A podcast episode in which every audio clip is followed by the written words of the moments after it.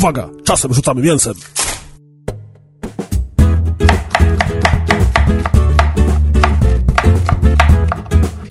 Później znowu palcami trzeba przy, u, uciskać całe ciasto.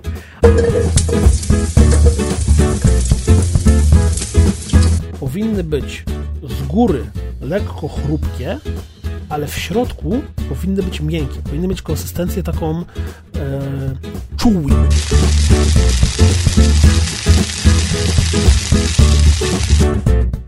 Tak, przy czym to, że ten dół jest odpowiednio tak lekko, lekko odpowiednio lekko, że jest przypieczony. Guldan, Co? jem. Co jesz?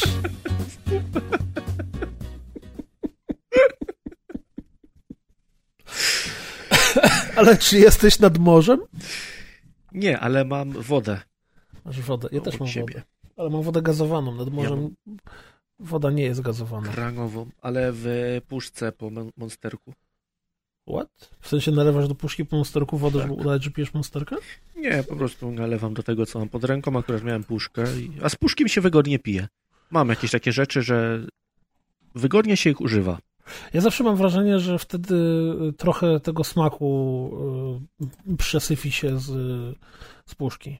Nie, puszka nie, nie daje smaku. Chyba, że jest brudna, no to wiesz. No właśnie o tym sprawa. mówię, nie? ale to płuczesz najpierw puszkę i dopiero potem do niej nalewasz wodę? Powinno się tak robić. Czy że po w ogóle bierzesz się, to, znajdujesz? powinno się tak na dworze znajduje. Powinno się myć puszki po przyniesieniu do domu zawsze. A teraz to już No. w ogóle. W sumie nigdy nie myślałem o tym, że wcześniej powinno też się myć puszki, jak się z nich pije. Tak. Szczególnie jak wiesz, jak na mieście kupujesz jakąś kolę czy coś. A, a jak się dezynfekuje puszki teraz, to jeszcze jest ten problem, że często gęsto potem y, jak pijesz z puszki, to Masz dringa od y, razu. czujesz, tak dokładnie, czujesz ten charakterystyczny smak płynu A niestety do te, te, dezynfekcji. te płyny są jak taka najtańsza woda.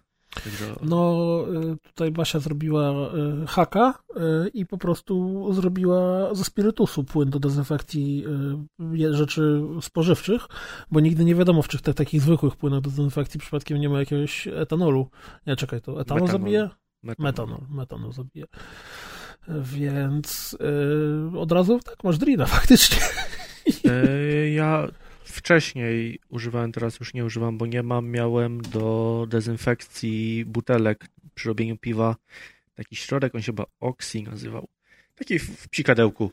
To brzmi jak jakieś takie, wiesz, y, dropsy. Nie, to był taki, który używa się w tym, w gabinetach e, lekarskich do, O. do odkażania sprzętu.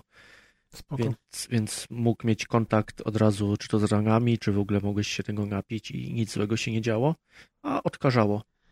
Nice, nice, nice. Oglądałem ostatnio, y, nie wiem czy masz zasubskrybowanego Alexa, ale on teraz ma serię o sosach. I e, ostatnio y, był cały odcinek poświęcony, mm, jakby to powiedzieć, odpowiedniemu naczyniu, czyli odpowiedniej e, sospan. Ja nie wiem, czy sospan ma w ogóle polską nazwę. To tak w sumie w nawiązaniu do tego odcinka, jak z Wojtkiem gadaliśmy i ciężko było wymyślić e, odpowiedniki niektórych polskich, po- polskie odpowiedniki niektórych określeń. Ja nie do końca wiem, o czym mówisz. Sospan to jest taki mały garnuszek, w którym się sos robi. Okej. Więc... Właśnie powiedzieć sosierka, ale w takim razie to nie jest No sosierka. właśnie, absolutnie nie. Nie wiem, czy rondel, ale rondel właściwie może być dowolny. No, nie, mam, nie mam pojęcia, czy ma ten, czy... Zwłaszcza, że chyba samo sospan też ma kilka różnych też określeń po angielsku. I e, pojechał do jakiegoś kolegi w Turcji, który mieszka i pracuje i ma firmę. E, I w tej Turcji cały 10-minutowy odcinek jest poświęcony temu, jak e, robią mu jego właśnie ten sospan, rondelek, czy tam ten garnuszek. Rondel się to- tłumaczy na a, polski. rondel, no okej. No to widzisz, nawet nie wiedziałem. Robię mu ten rondel i to wiesz, to nie jest tak, że hop siup, tylko to jest rondel, który jest robiony normalnie tam, kurde, z y, bodajże z miedzi i to jeszcze wszystko jest robione ręcznie, także oni go pokrywają srebrem i miedzią, potem facet młotkiem napierdala po tysiąc razy, żeby się taka fajna struktura zrobiła, no niesamowite. Miałem taki miedziany rondelek właśnie i to był jeden z najlepszych rondelków, jakie Tak, on to tłumaczy w ogóle, z czego to wynika, że miedź zupełnie inaczej korportuje ciepło w, w trakcie gotowania i dlatego y, właśnie miedziane garnuszki są, są pro. Tylko też inaczej się dba o nie. Tak, tak, tak, tak, tak, tak. Natomiast później z ciekawości rzuciłem okiem, bo ten pan z Turcji ma sklep normalnie internetowy. No i niestety ceny tych karnuszków tam się zaczynają od 100 dolarów i w górę. Alex chyba w ogóle ma dużo customowych rzeczy, bo pamiętam, że on noże miał Nóż ma swój, tak, tak, też, też. Ale powiem ci, że tak zacząłem myśleć o tym, że może by pójść trochę dalej w zakup właśnie jakichś też yy, naczyń kuchennych, bo ja się staram minimalistycznie ograniczyć do jak najmniejszej ilości patelni, patelni, e, ale jednak może popróbować robić coś na takich bardziej pro rzeczach. Żeby to, to, to ja ostatnio ten wok tak kupiłem i, i mhm. jestem super zadowolony, bo też podchodziłem na tej zasadzie, że im mniej rzeczy, tym lepiej, no bo w kawalerce, kawalerce nie ma na to miejsca ale Deusz mi zachwalał wok, ja trochę obejrzałem rzeczy w internecie, no i w momencie jak nie jem mięsa, to do smażenia i duszenia warzyw wok jest najlepszy i faktycznie kilka razy już na nim robiłem i był chyba taki tydzień, gdzie dzień w dzień podsmażałem warzywa w woku, bo, bo takie dobre wychodzą. W ogóle WOK chyba ma, przez to, że ma taką budowę, to tam się coś też, bo ja im, im dłużej się interesuję kuchnią, kulinariami, to nie tylko z gatunku tego, że coś jem, tylko też, że, że o tym zaczynam coraz więcej czytać i oglądać i tak dalej, to y, coraz częściej mam z tyłu głowy takie przeświadczenie, że tak naprawdę kuchnia to jest y, fizyka i chemia. Że tak, 90% rzeczy, znaczy, które, które, masz rację, czy 100% rzeczy, które się jest związane z gotowaniem, to tak naprawdę wynika właśnie z albo reakcji chemicznych, albo reakcji fizycznych i chyba WOG ze względu na swoją budowę tam się coś dzieje z powietrzem, nie powietrzem. Tak, jakoś inaczej się rozchodzi w środku. Znowu to chodzi o sposób rozchodzenia tego ciepła. Ciepło, Plus to, co mi pasuje wokół, to to, że on jest duży i bardzo łatwo te warzywa w środku się miesza, więc też nie ma żadnego problemu, żeby nawalić ich tam sporo.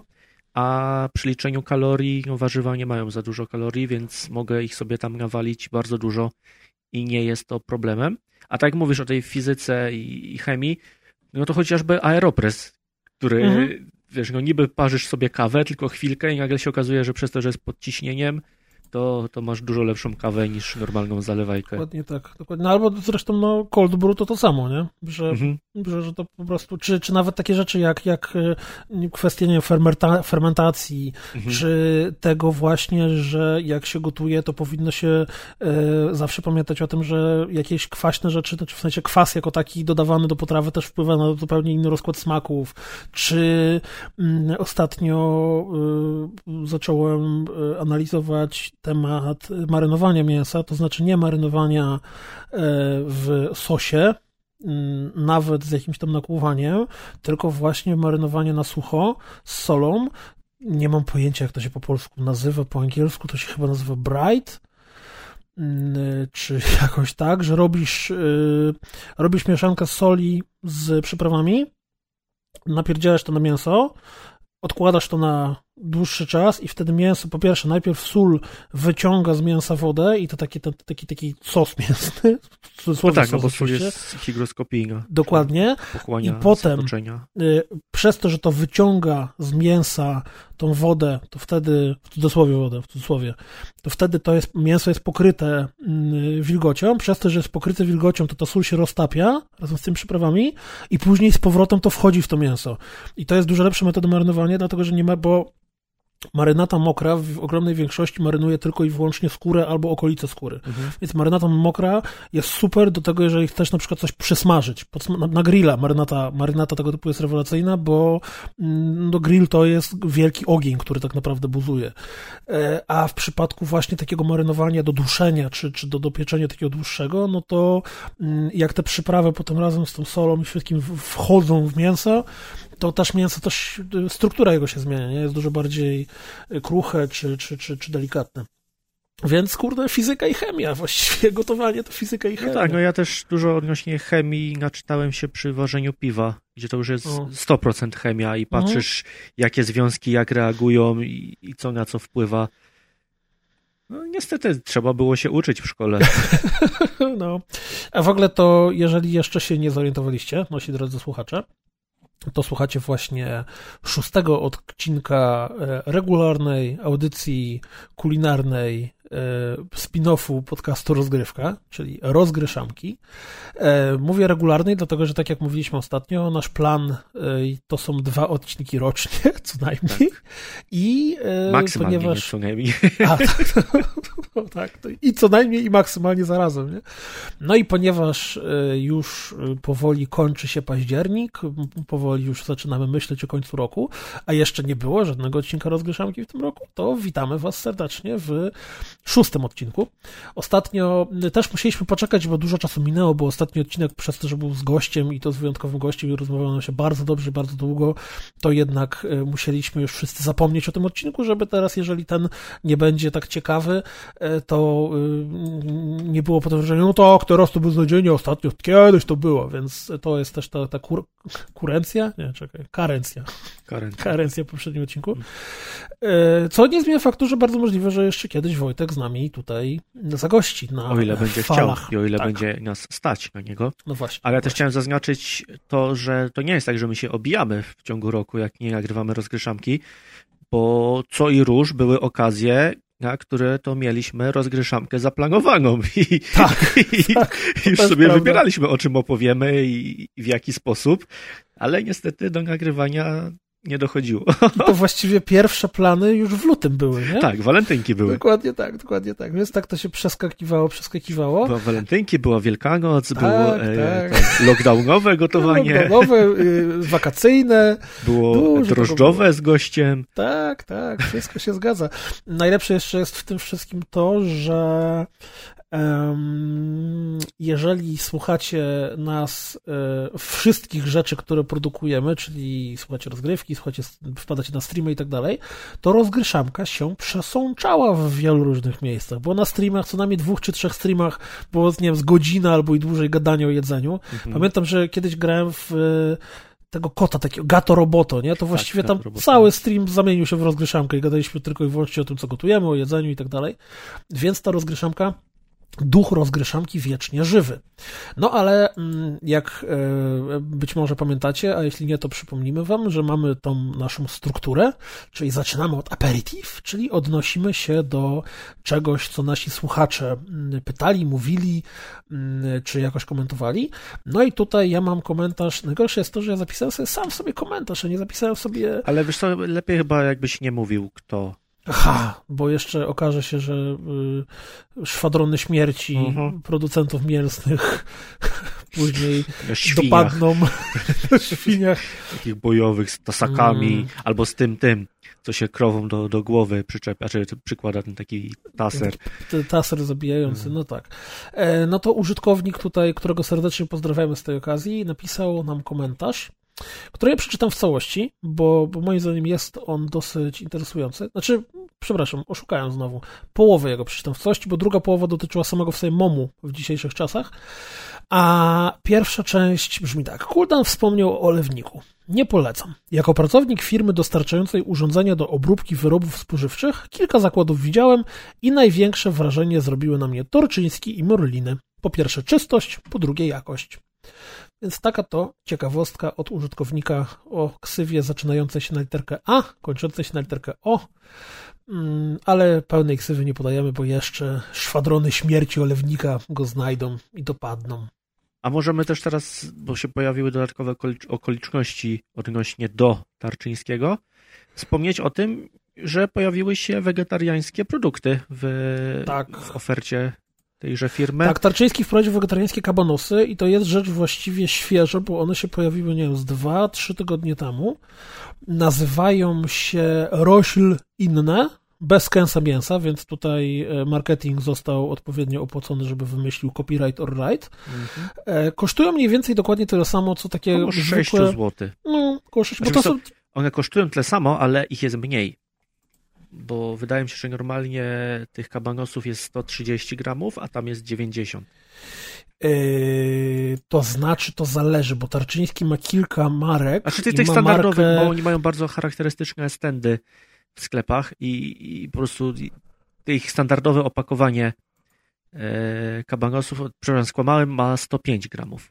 E, To ma to takie zwykłe, zwykłe, ale oni też mają takie kabanosy cienkie, które są marki Exclusive bodajże i tam jest chyba też około 90 gramów. tam jakieś takie wymysły, wiesz, że tam kabanosy z chili, czy wołowe, takie, takie, takie, bo, bo Tarczyński robi chyba też grubsze kabanosy, nie? Nie tylko robi te takie cienkie, poluszkowe jakby, tylko też robi te grubsze, ale no dobra, no nieważne, jest 90-100 gram, czyli faktycznie cena podobna, waga trochę inna, ale nie jest to jakaś ogromna różnica, także te kabanosy kosztują 12 zł. No i... 6. E, e, co ja powiedziałem? 12. No tak, w sensie, że, że, że, że te roślinne nie kosztują 12 zł. A, okay, dobra, dobra. No i powiedz mi, jadłeś? Jadłem. Eee, tylko, że od razu disclaimer, ja nie przepadam za wegetariańskimi kiełbasami kupnymi i jeszcze nie było takich, które by mi naprawdę zasmakowały na tyle, że chciałbym ich kupować więcej. I niestety te kabanosy też wpisują się w ten trend, że zjadłem, ale to nie jest mój smak. Te wszystkie mięsne odpowiedniki, znaczy nie mięsne odpowiedniki kiełbas są bardzo mocno przyprawione.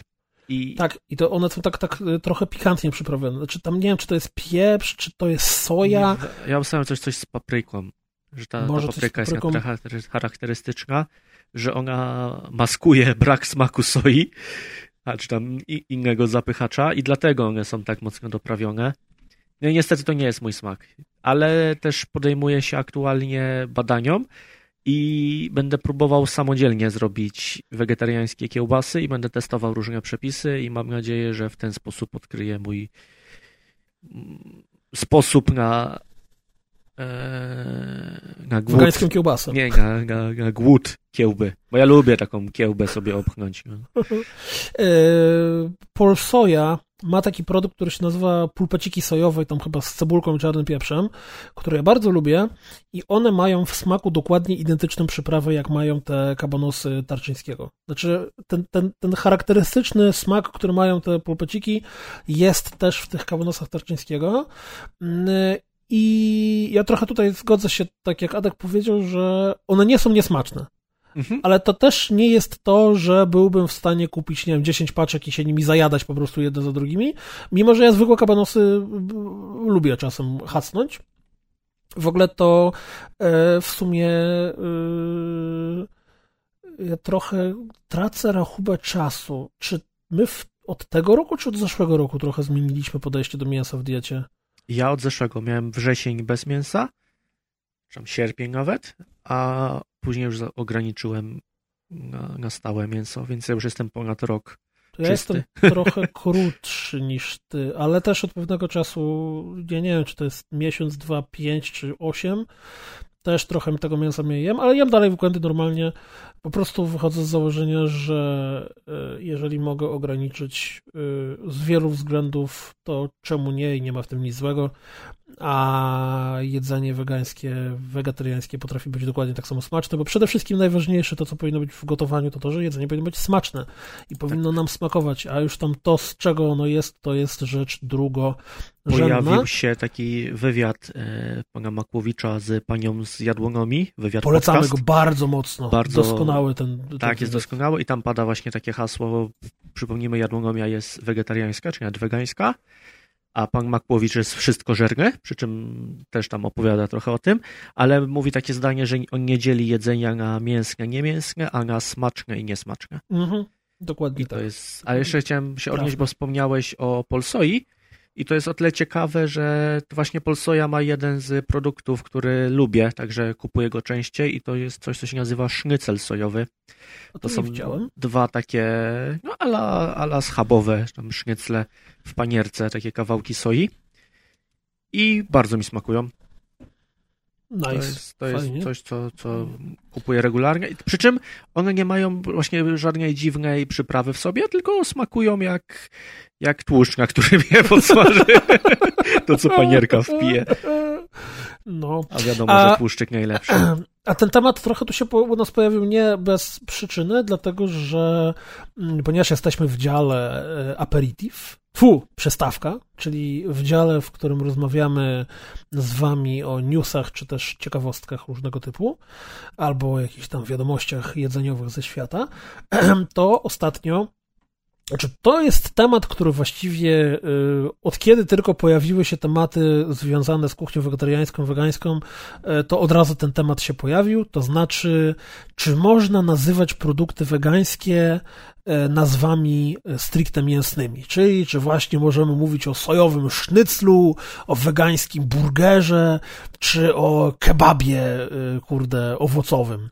No i mm, rzecz jest o tyle istotna, że w momencie, w którym nagrywamy te słowa, kiedy wy będziecie ich słuchać, to pewnie już będzie po fakcie i będzie można sprawdzić, jaki był wynik tych rozmów, ale Parlament Europejski postanowił się mm, odnieść do tego tematu i głosowane są poprawki do rozporządzenia o rynku rolnych, które, jeżeli przejdą, to zablokują możliwość firmom wegetariańskim, czy też firmom wegańskim, nazywać swoje produkty z wykorzystaniem nazw produktów mięsnych. Czyli nie będziemy mogli mieć y, wegańskie i wegetariańskie kiełbasy, czy tych kabanosów, tylko będziemy musieli mieć, nie wiem, soję w kiszce.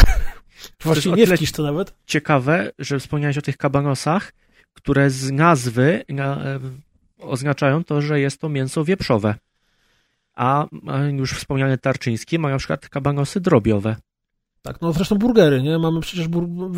nie raz, nie dwa można się spotkać z burgerem, który jest na przykład zrobiony z kurczaka. Tak. Nie, co też teoretycznie rzecz biorąc powinno być, bo to... Przecież chodzi o to, że kabanos ma w nazwie, bo słowo kaban oznacza wieprza. No tak, no faktycznie, nawet o tym nie pomyślałem. Nie? To jest troszeczkę też tak jak z, w przypadku Unii Europejskiej z... Yy, tak, ja tak obstawiam, że to trochę się rozbija o mm, dokładnie to samo, co jest na przykład w przypadku oscypka. Czyli, że oscypkiem można nazwać tylko i wyłącznie ten regionalny produkt produkowany przez określony, w określony sposób, z określonych półproduktów i tak dalej. I pewnie tutaj producenci mięśni y, też chcą walczyć y, o... Proszę, ale producenci mięśni są na siłowni.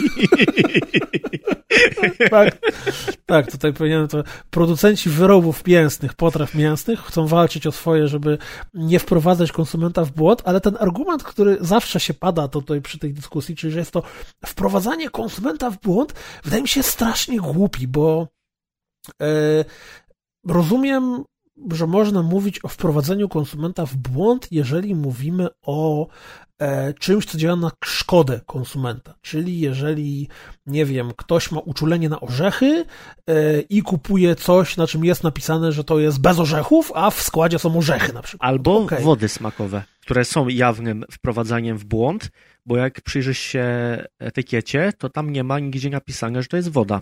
To jest napój gazowany albo niegazowany o jakimś tam smaku ale cała etykieta i wszystkie napisy na tej etykiecie są tak zrobione, żebyś ty miał wrażenie, że kupujesz wodę. No tak, bo woda się kojarzy zdrowo, nie kojarzy się, że tam jest wpierdzielona masa cukru, nie, czy jakiś tam ulepszaczy smakowych, a tu lipa, nagle niespodzianka. No i właśnie w przypadku akurat wegańskiej kiełbasy, jeżeli ona nazywa się wegańską kiełbasą, to gdzie tu jest wprowadzanie użytkownika w błąd? Jeżeli jeszcze w nazwie, jak byk, jest napisane, że jest to wege kiełbasa, czy wege sznycel, czy sojowy coś tam, no to serio ja tego nie do końca potrafię, tam, te krytyki tego tematu, potrafię to zrozumieć. A z drugiej strony wydaje mi się, że najistotniejszym elementem nazywania potraw wegańskich używając nazw e, mięsnych, jest podprowadzenie tego właśnie konsumenta, nie wprowadzenie go w błąd, a wręcz odwrotnie, zasugerowanie mu, czego ma się spodziewać. Czyli jeżeli kupuje się burgera wegańskiego, to znaczy, że dostaniesz takiego kotleta, tylko że bez mięsa. Tak, i możesz go wsadzić sobie w bułkę, a wiesz, że to nie będzie coś, co rozsmarujesz na chlebie. Dokładnie. E, tak. Ja ostatnio miałem taką sytuację, gdzie w Lidlu chciałem sobie kupić kilka wege produktów i zobaczyłem, że na półce jest coś w kartoniku i Oho. nie do końca wiedziałem, co to jest. Przeczytałem, przeczytałem sobie nazwę i nazwa była napisana Toczone z nerkowców klasyk z czarnuszką. W kartonikowym pudełku nie mam pojęcia, co jest w środku. Nie widzę, jakiej to jest konsystencji, do czego to służy. Dopiero jak wróciłem do domu sobie wygooglałem i się okazało, że to jest alternatywa dla sera co jest napisane na pudełku, ale w jakiś sposób to pudełko jest tak zaprojektowane, że o ile patrzysz w, w internecie na nie, to rzuca się w oczy, co to jest. To jak ja miałem je w ręku i miałem w ręce, miałem z 5 minut to opakowanie, przeczytałem cały skład, obejrzałem wszystko i tam nie zobaczyłem tego napisu, ale to jest bardzo fajny dopisek. Roślinna alternatywa dla sera. Myślę, że to by mogło i zadowolić ludzi, którzy nie chcą, żebyś miał wege kiełbasę, i od razu mówi ci, do czego ten produkt jest podobny. Czyli, że co, na przykład mielibyśmy, e, trzymając się tego twojego sznycla sojowego, e, sojowy ubijaniec i niżej roślinna alternatywa dla kotleta? Na przykład. Niekoniecznie jestem pewny co do sojowego ubijańca, ale, ale tak, żebym miał jakiś dopisek, który, który mi mówi o tym, że to jest alternatywa do czegoś. Być może nawet ustandaryzowania, wiesz, la PEGI na opakowaniu. Swoją drogą to mm, przeglądam właśnie te y, toczone z nurkowców i kurczę, y, zachęcające są te smaki. Są, tylko bo... też cena jest mało zachęcająca i bałem się spróbować, bo... O, 25 zł za 150 gram, to No właśnie, dlatego też w tym sklepie nie, nie, nie chciałem tego wziąć, no bo nie miałem pojęcia, co to jest. Ale jednorazowo można spróbować. Co A chociaż trafiłem... jest bardzo dobre to trafiłem ostatnio odnośnie ciekawostek i newsów, to tak mi się teraz przypomniało, yy, nie wiem czy wiesz, skąd się bierze różnica w yy, soleniu masła. No bo mamy masło solone i mamy masło niesolone, prawda? No tak. No i wyobraź sobie, że mm, to masło, które jest masłem solonym, to tak naprawdę w stosunku do tego, jak kiedyś produkowano się masło, e, to jest bzdura, nie masło solone, dlatego że kiedyś masło mm, soliło się nie ze względów smakowych i z walorów smakowych, a jako konserwant, y, jako y, o Jezus Maria, jako konserwant mhm. to masło, czyli tak jak wszystko, dodawaliśmy soli, żeby to było za, zasolone i mm, w uproszczeniu E, jeśli dobrze pamiętam proporcje, to e, chyba 15% e, wagi masła to miała być waga soli, co doprowadzało do tego, że to masło absolutnie w żaden sposób było niejadalne i dopiero tak się używa, tak się, tak się zasolało do tego, żeby je przewozić, a później było rozpuszczane w wodzie i dopiero przerabiane do, do użycia. Więc to też taka propos ciekawostek i, i E, różnych informacji znikąd. Nie miałem pojęcia, że tak to jest, przy czym ja też nigdy nie kupowałem masła solonego. No, Ale na ja... chlebie bardzo lubię sobie masło posolić. Posolić. Ja na przykład bardzo lubię solić maślankę. O. Jak kupujesz maślankę, to właśnie dodanie do tego troszeczkę soli, zamieszanie tego i jest mm, mm, mm. Uwielbiam maślankę. Okej, okay, to mnie zainteresowałeś teraz. Też bardzo lubię. A kefir tak samo można? Kefiru nie próbowałem, ale też by można sprawdzić. Co prawda kefir ma troszeczkę inną konsystencję niż mhm. maślanka, ale myślę, że można by spokojnie ile spróbować. to solisz? To jest szczypta, czy to jest łyżeczka? Na szklankę powiedzmy. Eee, na szklankę to bym tak z dwie szczypty posolił. Okej, okay, muszę spróbować. Tak, bo to tak fajnie dodaje takiego właśnie zaskakująco, dodaje słonego smaczku do, do, do tego nabiału, do tej myślanki. Ale wiemy, że słony smak jest dobry do, do łamania standardowego smaku i jak tylko pojawia tak. się na przykład czekolada z solą, to też był game changer. Znaczy, bo mm, to jest chyba nawet bardziej, bo to nawet nie tyle, że słony smak, że bardzo wiele potraw dodaje się do nich nutę soli, nie po to, żeby podbić słony smak, tylko żeby podbić smak po prostu. Tak, tak. Sól w czekoladzie tak na przykład działa, nie? Że, że sól w czekoladzie e, podbija smak czekolady mhm. do, do góry, a nie wcale to, że czujesz jakbyś, kurde, e, lizał e, ten, skorupkę od pistacji. Okej, okay, to, to nie spodziewałem się tego porównania. No nie lizałeś nigdy skorupek od pistacji? Słone Lizałem, są bardzo. tak, to no, prawda, no lizałem. Właśnie, no, każdy, każdy lizał pewnie. Ale też Słuchaj, za bardzo się, mm, ja kupuję teraz, to ja to zacząłem robić już trochę wcześniej, przed koronawirusem, ale cała sytuacja aktualna mnie jeszcze bardziej do tego zmotywowała i robię zakupy teraz w formie hurtowej to znaczy właśnie orzechy kupuję w kilogramowych paczkach tam z różnych sklepów, typu nie wiem, tam Brat, y, czy, czy z internetu, czy no jest tego cała masa. No, można na Allegro sprawdzać przede wszystkim. Na Allegro, gdzie jest taniej, tam sobie kupić. E, I, I po prostu właśnie jak kupuję już orzechy czy tego typu rzeczy, to od razu opakowanie zbiorcze, co jest mega fajną sprawą w przypadku przypraw, bo w cenie właściwie dwóch torebeczek można pół kilo kupić przypraw. Tak, ja mam kilogram czosnku granulowanego i dodaję go do wszystkiego, bo tak. jak przyszła mi ta paczka, to uznałem, po co ja kupiłem kilogram czosnku? I teraz autentycznie nawet go nie przesypałem do czegoś innego, tylko prosto z tej paczki sypię. A ja też prosto sypię. Ja mam pojemniki w kuchni na w szafie, wszystkie te paczki takie, wiesz, bo one mają woreczki strunowe, mhm. zamyka się je bez problemu, to nie wietrzeje. To jest stabilne, to stoi tak, ładnie. oczywiście, że tak. I ja, ja na przykład kupiłem y, pół kilo majeranku, ale wyobraź sobie, że majeranek jest bardzo lekki. Tak. I pół kilo tak. to jest taka całkiem duża torba. I ponieważ my używamy dużo majeranku, to w ogóle autentycznie ten majeranek kosztował, nie wiem, tyle co dwa, dwie torebeczki majeranku w sklepie i, i teraz systematycznie jest używany. Generalnie polecam robić takie zakupy, a właśnie jak jest smart, to nawet nie trzeba od razu kupować rzeczy za 200 zł, a wystarczy sobie kupić rzeczy za 40 i, i, i całkiem spoko. Plus, mm. jeżeli macie paczkomat blisko, no to, to przychodzi wam praktycznie pod dom i nie trzeba nosić tego, a ja lubię w ten sposób zamówić sobie na przykład mleczko kokosowe, które raz, że jest tańsze, albo mąkę, a dwa, no jak nakupisz tego i masz 10-20 kilo, no to zdaję sobie sprawę, że nie każdy jest w stanie to donieść do domu. A z paczkomatu, jak macie dwa kroki, no to zawsze łatwiej. True, true. A jeszcze odnośnie tego tematu wege potraw, to jak dobrze wiecie, w ramach deseru zawsze mamy dla was jakieś pytanie. Wcześniej to były pytania takie szokujące, jak się nazywa to coś do robienia trójkątnych spawanek, czy też y, z czym jemy, y, czy z masłem, czy bez masła nutelle.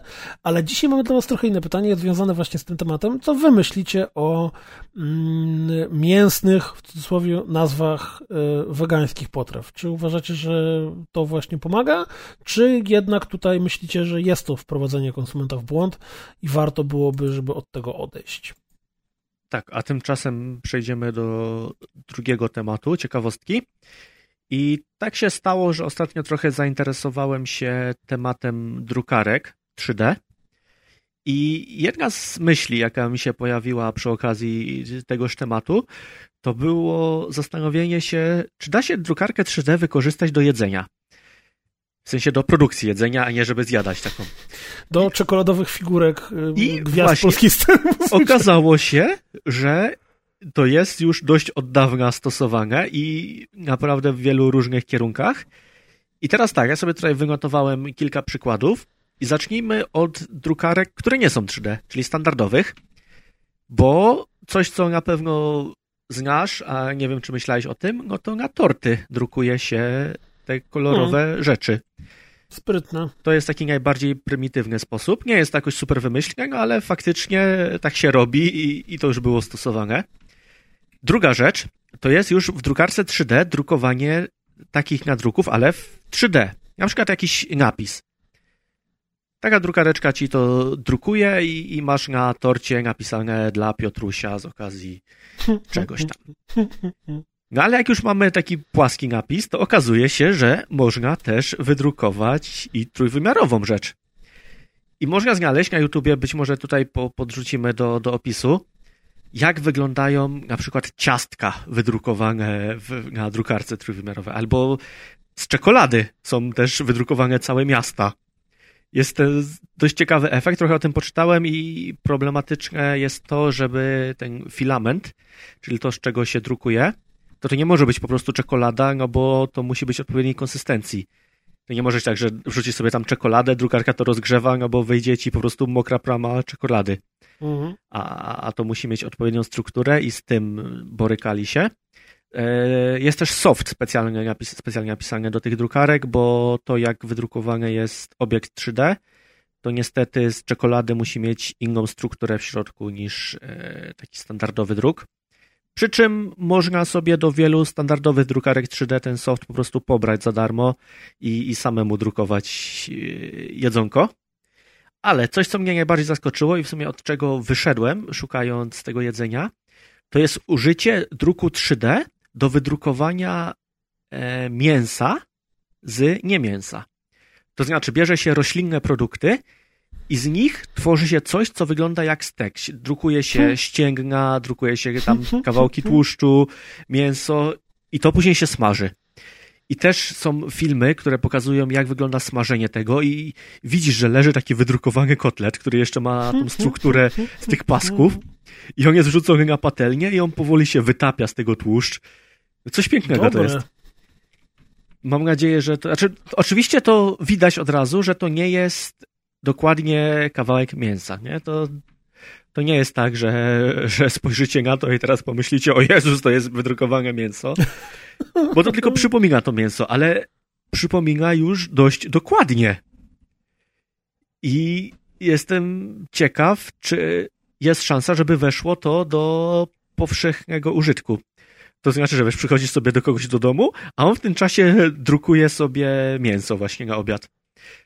E, znalazłem takie filmiki, gdzie na CESie w 2015 roku drukowali ciastka. Czyli to, to, to nie jest nowa technologia, a, a to już 5 lat temu. Gdzie ja 5 Co, lat ja temu... kiedyś oglądałem, ja kiedyś oglądałem właśnie jakiegoś CESa i nie wiem, czy to było, nie wiem, czy w klawie, klawiatur, czy, czy co, ale była taka jakby mm, linia produkcyjna wykorzystująca właśnie drukarkę do robienia pizzy. Mhm, tak, to też na tym CESie właśnie. A, no, no. To też to fantastycznie wygląda. I ostatnia rzecz, która jest całkiem logiczna i którą też dziwię się, że, że dopiero teraz o tym pomyślałem, to jest drukowanie foremek.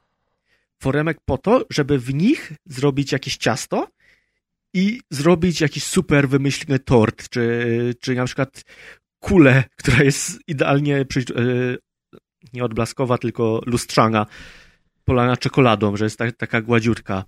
To, co ludzie robią z, z, z tych foremek wydrukowanych w 3D, to jest autentyczna magia. Co prawda, to nie są apetyczne rzeczy, bo ja na to patrzę i... Mm, Znaczy, okej, mogą to być apetyczne, ale często nie są, bo one wyglądają tak bardzo sterylnie.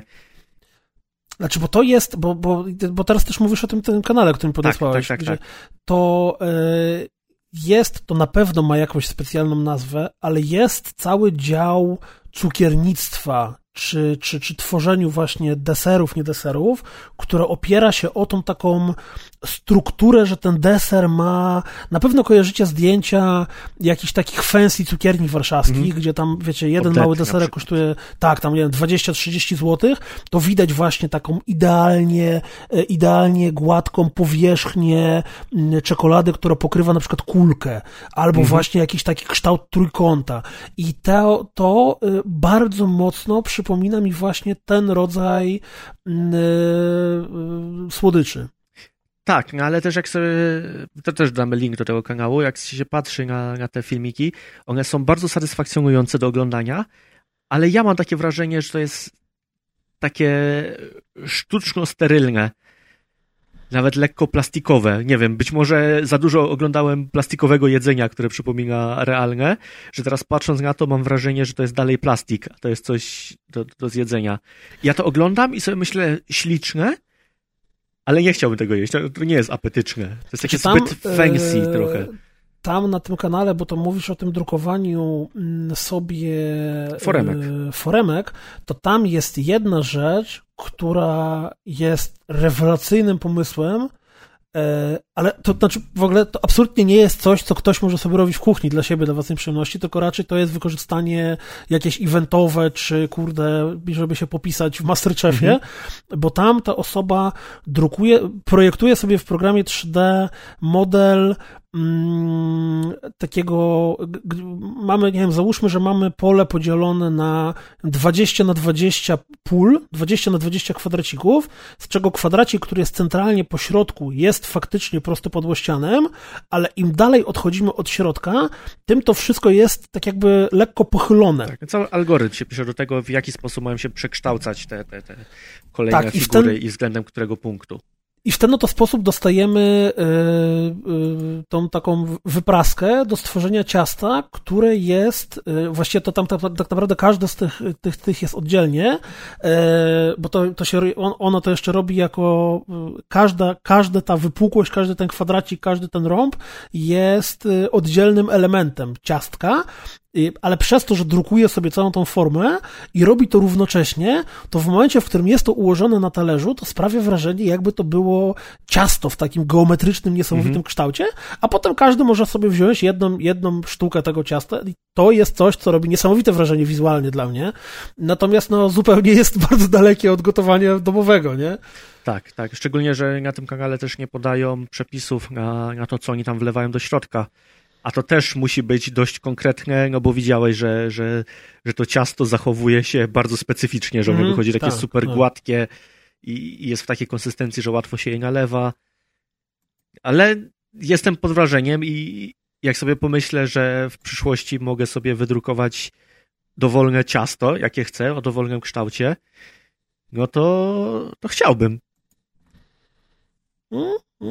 W ogóle ja nie jestem pewien, czy ta pani, która, która to robi, to nie jest e, Ukrainką. Nie, to nie jest ukraińska e, kuchmistrzyni, czy właśnie raczej mistrzyni e, cukiernictwa. Ale właśnie, czy, czy to jest dalej cukiernik? No, nie wiem w sumie. Ciężko, ciężko to określić. Nie, nie, wiem, gdzie jest nacisk położony. Czy to trudniejsze jest sam ten algorytm dopisać, czy zaprojektować ten obiekt trójwymiarowy? Trochę eee... grafik 3D, trochę kuchni. No wiesz, no musi zrobić też samo sobie to ciasto, nie? Tak, tak, tak. tak. Eee... Chyba, że wiesz, że kupujesz na przykład gotowe to ciasto i to jest jakiś taki, wiesz, paskudne w smaku. To jest zupełnie defaultowe, kupujesz na kilogramy.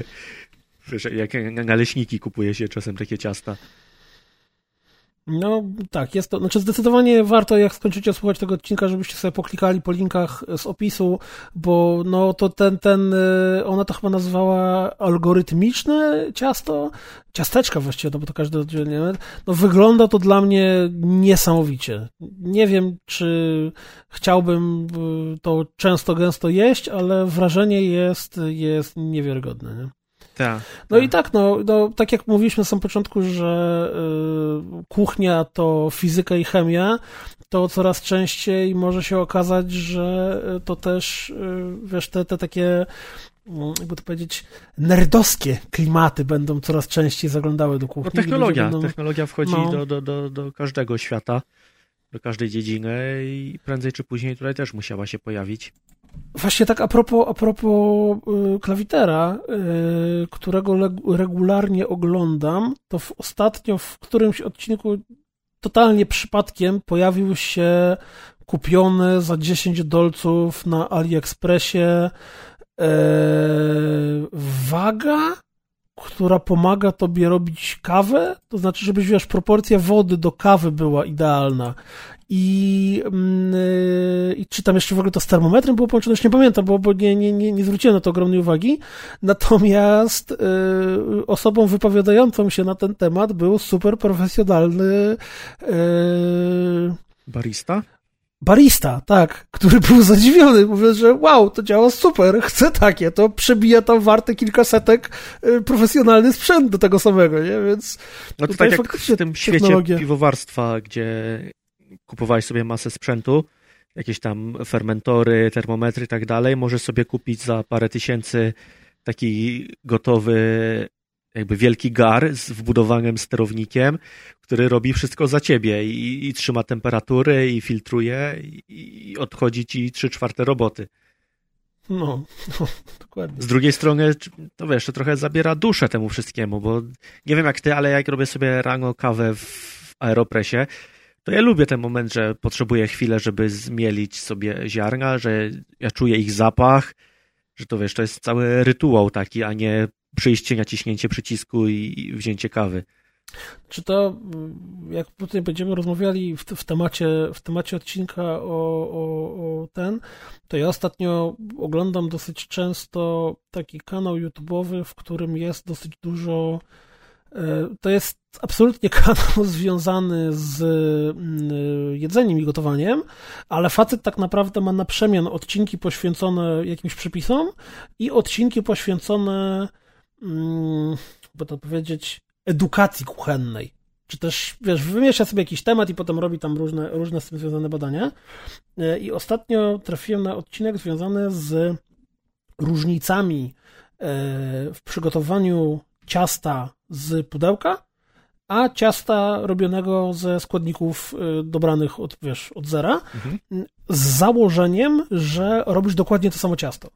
Czyli, że, że robisz sobie dokładnie to samo ciasto, które dostajesz w pudełku. I to całkiem ciekawy, y, ciekawy materiał, bo tam porusza masę rzeczy, których mi w ogóle do głowy nie przyszło. Bo wiesz, wiadomo, że można, no, no tak, bo tam w pudełku to sama chemia, ale to jest dużo bardziej skomplikowane, bo po pierwsze, tak jak wiemy już, całe jedzenie to jest sama chemia, mhm. a po drugie, nawet dobór tego, jak yy, musisz, w jakiej formie musisz przygotować tłuszcz w tym cieście, czy też w tym proszku, czy też właśnie robić go zewnętrznie, tak żeby to użytkownik go dodał, wpływa na proces produkcyjny, ale najciekawsze w tym wszystkim było to, że podobno w historii Stanów Zjednoczonych był taki moment, kiedy ciasta w pudełku były po prostu dodawać do nich tylko i wyłącznie wody. Jedyne, co musiałeś zrobić, to musiałeś dodać do nich wodę, wymieszać, włożyć do piekarnika, upiec. Ale odbierało to poczucie że robisz coś w kuchni. I dlatego zaczęto zmieniać produkcję na zasadzie takiej, że musisz dodać, nie wiem, jajka, tłuszcz i coś tam jeszcze, żeby człowiek, mimo że bez, fabrycznie bez żadnego problemu można byłoby to obejść, ale ponieważ człowiek robiąc ciasto z pudełka lepiej się czuje, jeżeli coś tam zrobi z tym pudełkiem, zamiast po prostu, wiesz, dolać wody, pomieszać i wstać do piekarnika, to dlatego od, od tego się odeszło. To, to... Ludzie mają trochę takich przyzwyczajeń swoich, które kompletnie nie mają sensu, ale wychodzi to w różnych kwestiach. Kiedyś oglądałem taki program totalnie niekulinarny, ale wydaje mi się, że ten sam mechanizm. Na przykład prezentowali dwa odkurzacze. Jeden z nich był dużo głośniejszy od drugiego. I pytano ludzi na samym przykładzie tego, jak ktoś inny odkurza, że oni mieli ocenić, który z nich jest mocniejszy i zawsze wybierali ten głośniejszy. Albo wybierając jakiś tam ser, zawsze wybierali ten, który miał więcej dziur, pomimo tego, że te dziury były sztucznie zrobione. Specjalnie w plasterkach wycinane. Bo, bo są przyzwyczajeni, że powinien mieć te dziury ser. No dobre, dobre, nie? To właśnie, to właśnie pokazuje, jak bardzo y, żyjemy własną głową, nie? Mhm. No dobrze, słuchaj, na początku mówiłeś, że jesz zupę, to w takim razie przejdźmy do zupy, czyli do działu, co ostatnio jadłeś, zrobiłeś. I tutaj ja od razu chciałem powiedzieć disclaimer, że przez te ostatnie kilka miesięcy, które minęło od naszego ostatniego, y, od nagranego odcinka, to pewnie i ty, bo o sobie to wiem, ale też domyślam się, że dokładnie tak samo jest u ciebie, zrobiliśmy masę, ale to absolutnie masę najróżniejszego jedzenia, mm -hmm.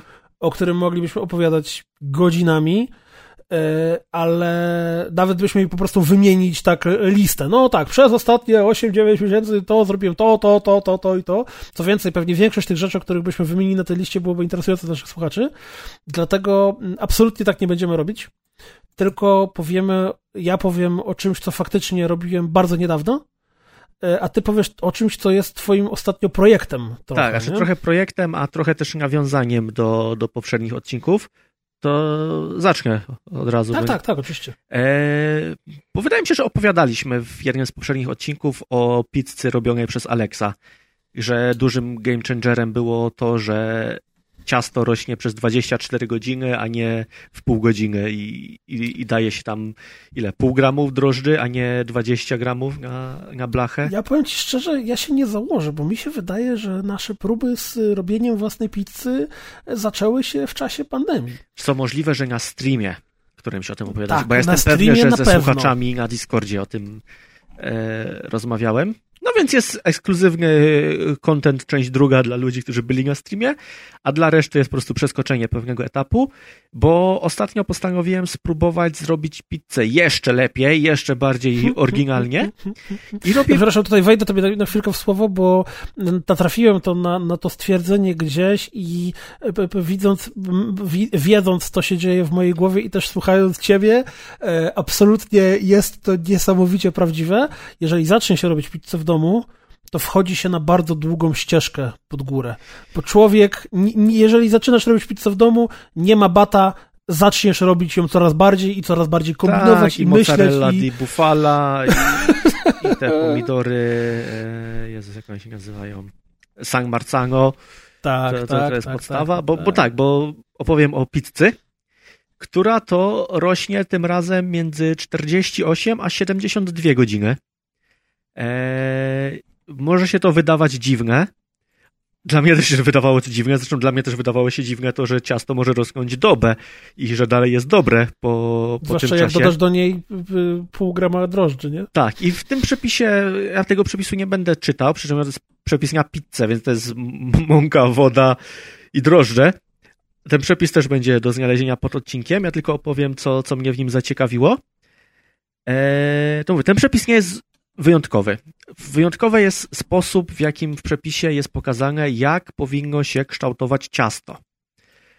e, ponieważ jest to przepis na pizzę na cienkim cieście i to, że on rośnie między 48 a 72 godziny sprawia, że ciasto ma odpowiednią strukturę.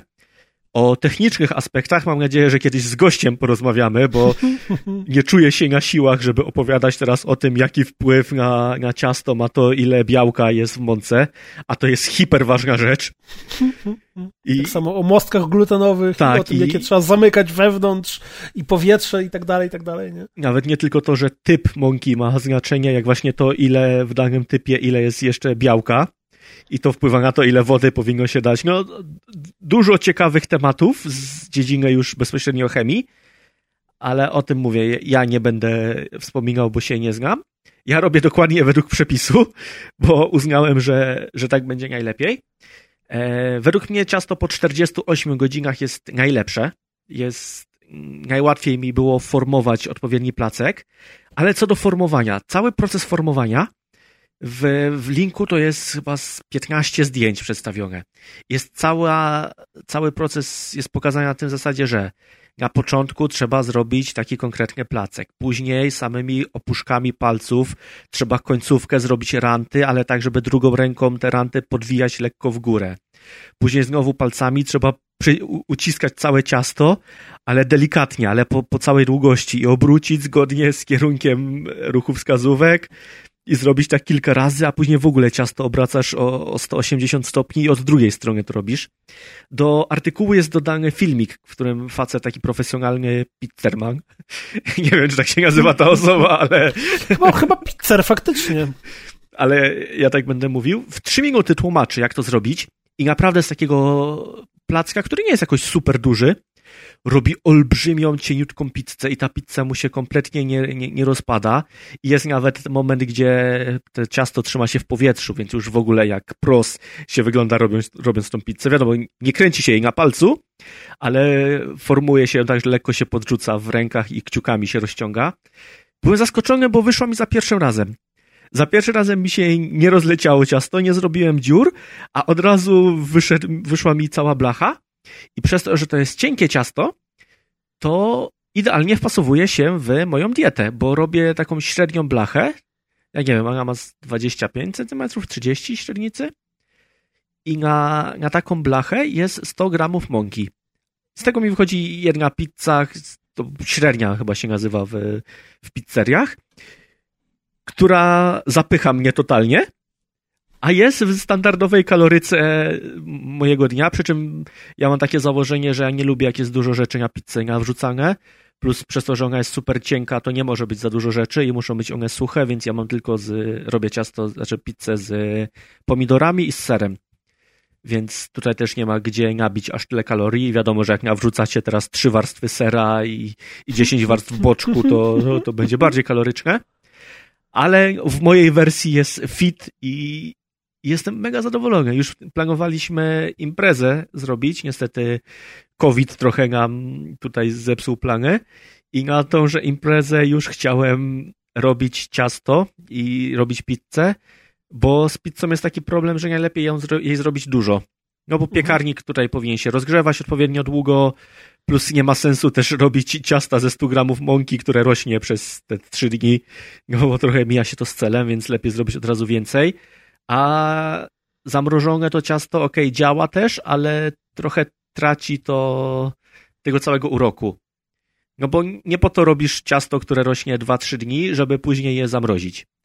A tak jak mógłbym sobie zrobić na domówkę wiesz, 20 pizz i, i na bieżąco uczyć się tego, jakie, jakie mam formować, kształtować, no to mega radość by była dla mnie.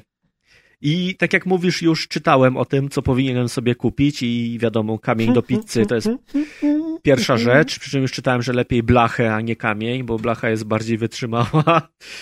No można, no. Niestety mój piekarnik nie pozwala na zrobienie takiej w pełni dobrej pizzy, bo ja mam tylko grzanie z dołu, a pizza musi być też grzana z góry, żeby z góry były mhm. te wiesz, przy, przypieczone fragmenty. Tak, tak, bo musi być dół lekko zwęglony i dół musi być taki podpieczony, a góra musi być dogrzana dla odmiany. Tak, przy czym to, że ten dół jest odpowiednio tak lekko, lekko odpowiednio lekko, że jest przypieczony, to też zależy od tego, na czym leży i różnica między kamieniem a blachą jest to, w jaki sposób to odparowuje woda z tego ciasta i, i z samego kamienia, czy z samej blachy, jak rozkłada się to ciepło, więc wracamy do fizyki. Mhm. No i to wszystko ma znaczenie. Zresztą jak wrzuciłem fotkę na, na Twittera, to zaraz pojawili się profesjonalni ludzie, którzy mi opowiadali, że, że właśnie z góry jest za mało przypieczona, ja mówię, że piekarnik nie taki, oni mówią, że to najlepiej dwie cegły teraz wsadzić od góry i one się nagrzeją i to będzie trochę działało jak taki kamienny piec i będzie dużo lepszy efekt. No, ja ostatnio na, na YouTubie trafiłem na. Mm, to był akurat film sponsorowany na jednych z kanałów, który oglądam, ale był dosyć interesujący. Wyobraź sobie, że ktoś zrobił mm, w największym uproszczeniu przenośny piec do pizzy takie oczywiście zewnętrzne, no bo w domu to jednak byś za dużo dymy z tego miał, ale mhm. tak wiesz, jak, jak zamiast grillowanka można y, robić pizzę, y, który był zasilany drewnem. Rozpalałeś normalnie drewno niczym w kominku i to był taki mały rozkładany piec, który był też wiesz tam z, z, z cegieł, nie z cegieł i cały dowcip polegał na tym, że ponieważ cały ogień szedł z jednej strony od tyłu tego urządzenia, to po prostu piecząc swoją pizzę musiałeś się cały czas obracać. Ale działało absolutnie całkowicie normalnie jak, jak pies do pizzy, bo ta temperatura była tam, tam odpowiednio wysoka. Okej, okay, ale też y, da się kupować, zresztą już mi Facebook polecał domowe piece do pizzy opalane drewnem, więc i to wcale nie jest aż takie drogie. Wiadomo, znowu wraca temat kawalerki. Myślę, że właścicielka mieszkania była super zadowolona, jak miał na środku taki, wiesz, z cegieł wybudowany piec z odprowadzeniem kamin, komina za okno. No, znaczy dla mnie, ja tego wcześniej nie rozumiałem i się zdziwiłem nad tym, ale y, po prostu robienie w domu pizzy wkręca człowiekowi jakąś taką chęć do kombinowania, doskonalenia i robienia coraz lepszych sosów do niej, Oj, kombinowania z dodatkami. Tutaj sos też jest ważny, no bo tak jak mówiłem, składniki nie mogą być zbyt mokre, więc trzeba mocno redukować. I to też jest mm. tym mhm. trochę zabawy i, i też trzeba odpowiednio doprawić, no bo jak mocno zredukujesz sos, a doprawiłeś go wcześniej, to nagle się okazuje, że po redukcji on jest dwa razy bardziej intensywny. I, i, i trzeba wziąć to pod uwagę. A druga rzecz, jakie ranty wychodzą w tej pizzy. Tak ładnie rosną. Nawet raz udało mi się zrobić taką pizzę, gdzie w ranty ser wsadziłem. Jezus Maryja. Jakie to było dobre. Jak wiesz, przekrawasz pizzę i ten ser wycieka z rantów. No ojejku. Ja ostatnio, ja ostatnio robiłem coś absolutnie niezgodnego chyba ze sztuką, ale bardzo dobrze mi się to sprawdzało w domu. To znaczy e, przygotowywałem sobie ciasto, które formowałem nie w klasyczne koło, tylko w e, prostokąt, to znaczy całą blachę po prostu ta blacha, która wchodzi mi do, do piekarnika, to robiłem ciasto na całą szerokość tej blachy, mhm. więc pojawił się prostokąt. No i na tym prostokącie układałem y, kilka smaków, to znaczy, wiesz, dodatki były strefowe, mhm. przez co piekąc pizzę dla domowników robiłem ją jedną w piekarniku zamiast trzech mniejszych y, i ona robiła się w tym samym czasie, więc potem do obiadu siadaliśmy równocześnie, a nie, że wiesz, że proszę, ty już masz, a teraz ja swoją pizzę dopiero idę wstawić. No tak, tak, to jest problematyczne. No i z takich tak. rzeczy to kupiłem sobie nóż do pizzy, bo uznałem, że to mi jest super potrzebne. I faktycznie z nożem do pizzy jest dużo łatwiej. I kupiłem sobie też tą taką szpatułkę do, do ciasta drożdżowego. A, szpatułka to jest w ogóle coś, I co... ja nie wiem, co, jak ja żyłem bez tego. Tak, dokładnie tak. Dokładnie tak. Nie da. Szpatułka to taka z, z stali nierdzewnej, którą się skrobie rzeczy ze stołu nie stan i, i się używa. I to jest w ogóle game changer dla mnie w, przygotowaniu. I to nie tylko przy pizzy, generalnie przy robieniu rzeczy tak, w kuchni. Tak, jeszcze dużo... Potem i przetniesz, i zeskrobiesz, mhm. i sobie pomożesz. To niesamowite. Ja jeszcze też w międzyczasie trochę chlebów robiłem, więc też się przydawało. No, makaron robiłem, pierogi i do, do, do wszystkiego ta, ta szpatułka była przydatna. Dla mnie, dla mnie kolejną rzeczą, jak jesteśmy przy szpatułkach, to, to ma na pewno jakąś polską nazwę, ale angielska nazwa to jest właśnie spatula, czyli nie wiem, czy szpachelka, czy co, taka mm, to jest yy, to jest to coś, co jest silikonowe i ma lekko yy, giętką końcówkę. Mm. Tak, to chyba e... szpatułka po polsku, a ja to mówię łyżka silikonowa. O, łyżka silikonowa i to też jest jedna z moich ostatnio. Kiedyś tego nie używałem, a teraz nie wyobrażam sobie gotowania bez tego, czy to właśnie wiesz, i tego, i nie porysujesz blatu, e, tego, nie porysujesz patelni, e, i tym można pomieszać, i można zeskrubować brzegi. No, dużo rzeczy z tym można robić i, i, i polecam kupić sobie osprzęt do kuchni, jak się gotuje, bo nagle życie staje się prostsze. E, odnośnie rzeczy, które gotowałem ostatnio, zupełnie, to e, uwielbiam mm, takie ciasteczka, bo to chyba ciasteczka to jest e, najtrafniejsze określenie, czyli tak zwane makaroniki. Makaroniki możecie kojarzyć z McDonalda, z niektórych cukierni, czyli takie mm, małe, kruche, ale też miękkie równocześnie. Krucha skórka, ale miękki środek mm, e, połóweczki, które są przełożone jakimś kremem. One zazwyczaj w formie cukiernianej są robione, tak powiedziałbym, e, idealnie. To znaczy, każdy wygląda dokładnie identycznie. Widać, że one są robione prawie że fabrycznie. Natomiast robiąc je w domu, nie trzeba wcale koniecznie się, się ściskać, żeby takie robić. Robi się je absolutnie banalnie. E, I tutaj znowu e, moja chęć eksperymentatorska e, się rozkręca.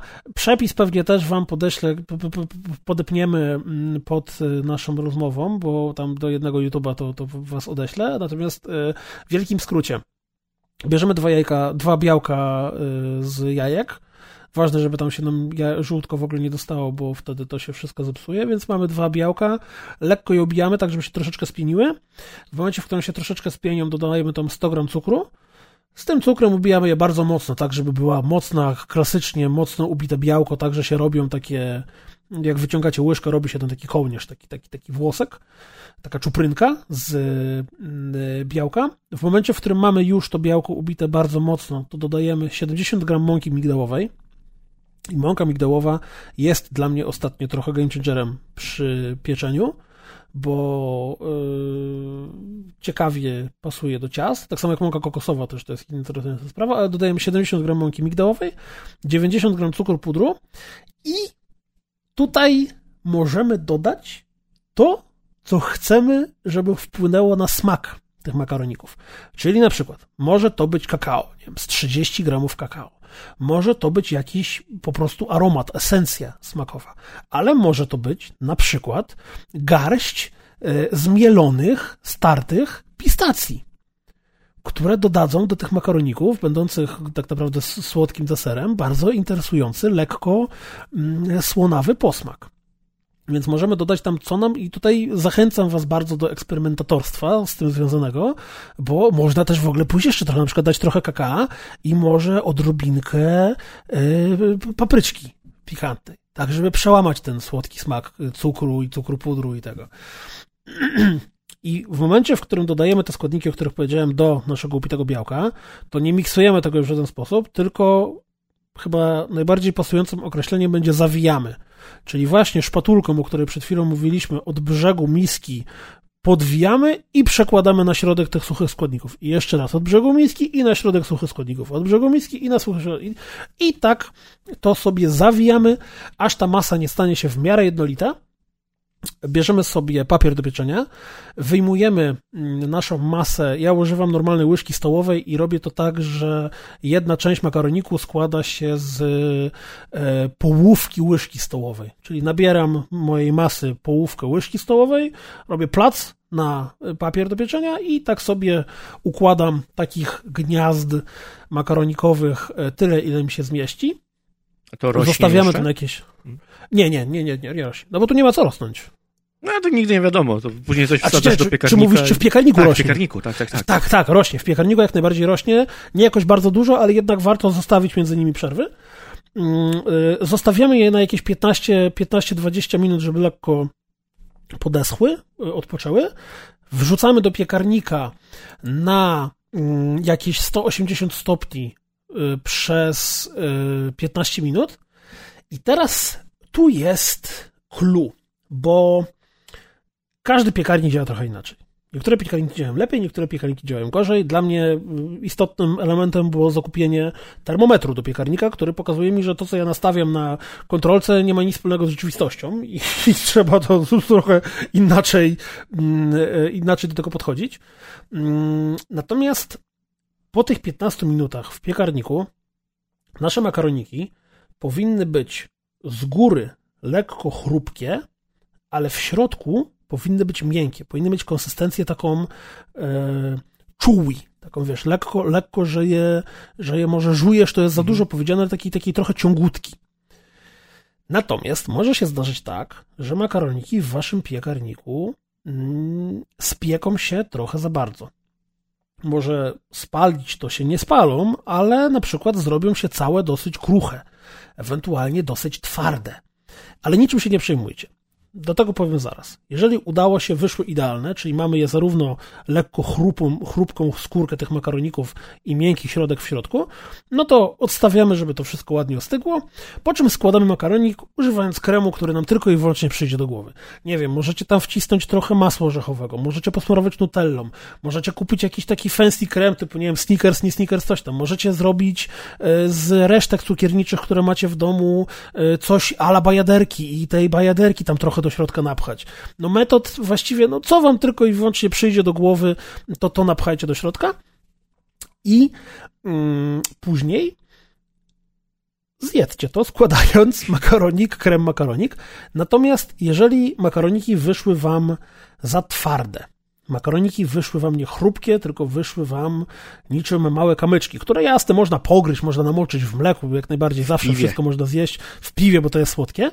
To zróbcie coś takiego, że złóżcie je z kremem, y, na którym wam zależy, albo nie składajcie je do, z kremem, tylko po prostu zostawcie je w tej formie, w jakiej je macie i niech sobie stoją na wierzchu. Przez godzinę, dwie, przez cały wieczór, do następnego dnia bo w momencie, w którym w powietrzu jest wilgoć, a generalnie mało kto w powietrzu ma super sucho i jak ma super sucho, to nie powinien być super sucho, bo jednak suche powietrze nie działa dobrze dla nas, to te makaroniki nasiąkają leciusieńko wilgocią. I w momencie, w którym mamy je zbyt długo e, w piekarniku i zrobiły się wysuszone, zrobiły się właśnie twarde i kruche, a nie to tak ładnie, cudownie, tak, tak, mm, tak mięciusieńkie, to właśnie kiedy one nasiąkną wilgocią z powietrza, to na następny dzień będą miały idealną konsystencję. Próbowałeś robić na wytrawnie? Na wytrawnie nie, ale można by, no bo do białka tak naprawdę z cukrem możesz dodać później yy, cokolwiek ci tylko przyjdzie do głowy. Bo to jest coś, co bym spróbował, bo tak jak ci pisałem prywatnie, ja nie przypadam za, za sam smakiem makaroników ale zachęciłeś mnie tym, że, że można dowolne rzeczy do środka dawać i pewnie znalazłbym takie, taką wersję, że, że nawet te na słodko by mi smakowały. Tak pierwsze o czym myślę, to do środka dać e, frużelinę z malin. Mm, coś no. takiego super kwaśne, żeby, żeby przełamać tą słodycz. Ale na wytrawnie też bym spróbował. A od razu mam pytanie do słuchaczy, czy ktoś wie skąd nazwa makaroniki? Bo jest ciekawa. Mm-hmm. Może ktoś to nie jest, będzie wiedział. Znaczy, bo to jest chyba w ogóle jakiś y, francuski chyba e, przysmak. Przynajmniej tak bym strzelał, że to jest e, francuski przysmak. No to mi się, macaron. To mi się kojarzy z e, History of Macarons. No widzisz, to ciekawe. No, no tak. Jak ktoś wie, to zapraszamy, żeby się tym podzielił, a jak nie, to ja sobie poczytam sam z siebie. Tak, ja też pewnie czytam, ale to nie jest temat do rozmowy na, na teraz. Tak, nie na żywo, nie na żywo. Znaczy, już zrobimy dwie godzinki przerwy, jak szukamy tej informacji. fajnie, Dokładnie. Fajnie. Dużo ich piekłeś? Yy, wiesz co, szczerze mówiąc, co tydzień próbuję nowe, no bo ja nie, nie chcę ich robić bardzo dużo, no bo przez to, że w domu jesteśmy sami, to yy, żeby, wiesz, tego nie wyrzucać potem, mhm. albo żeby się nie marnowało, albo żeby nie zmusić się do tego, żeby wiesz, zjeść kurde dwie, dwie pełne, e, dwa pełne blaty makaroników. Robię je w małych ilościach, ale właśnie robię tak, żeby próbować z różnymi kombinacjami.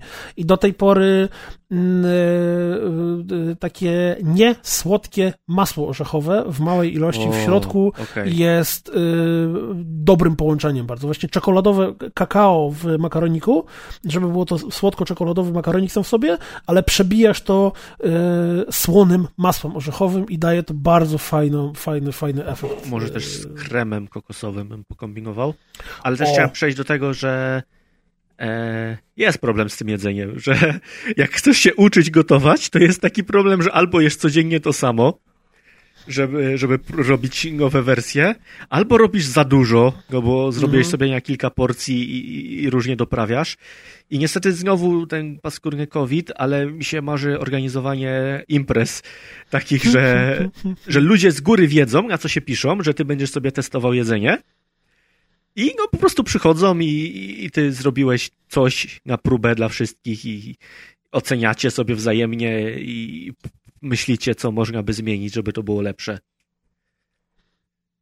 No, ja bardzo, bardzo, bardzo mi się podoba ten koncept i bardzo mi się podoba ten pomysł właściwie imprezy, która jest mocno połączona z gotowaniem. Mhm. Że, że, że wiesz, że, że duża część imprezy dzieje się w kuchni, gdzie właśnie ten pomysł z mm, testowaniem różnych pizz, czy yy, nie wiem, można na przykład imprezę sałatkową zrobić. Mhm. Kiedyś Tomek, który nie wiem, czy słucha rozgrzeszamki, czy nie, pozdrawiam go serdecznie, ale miał pomysł i zrobił chyba spotkanie pierogowe. Tak, byłem współorganizatorem i, no, i właśnie, nie przyszedłem.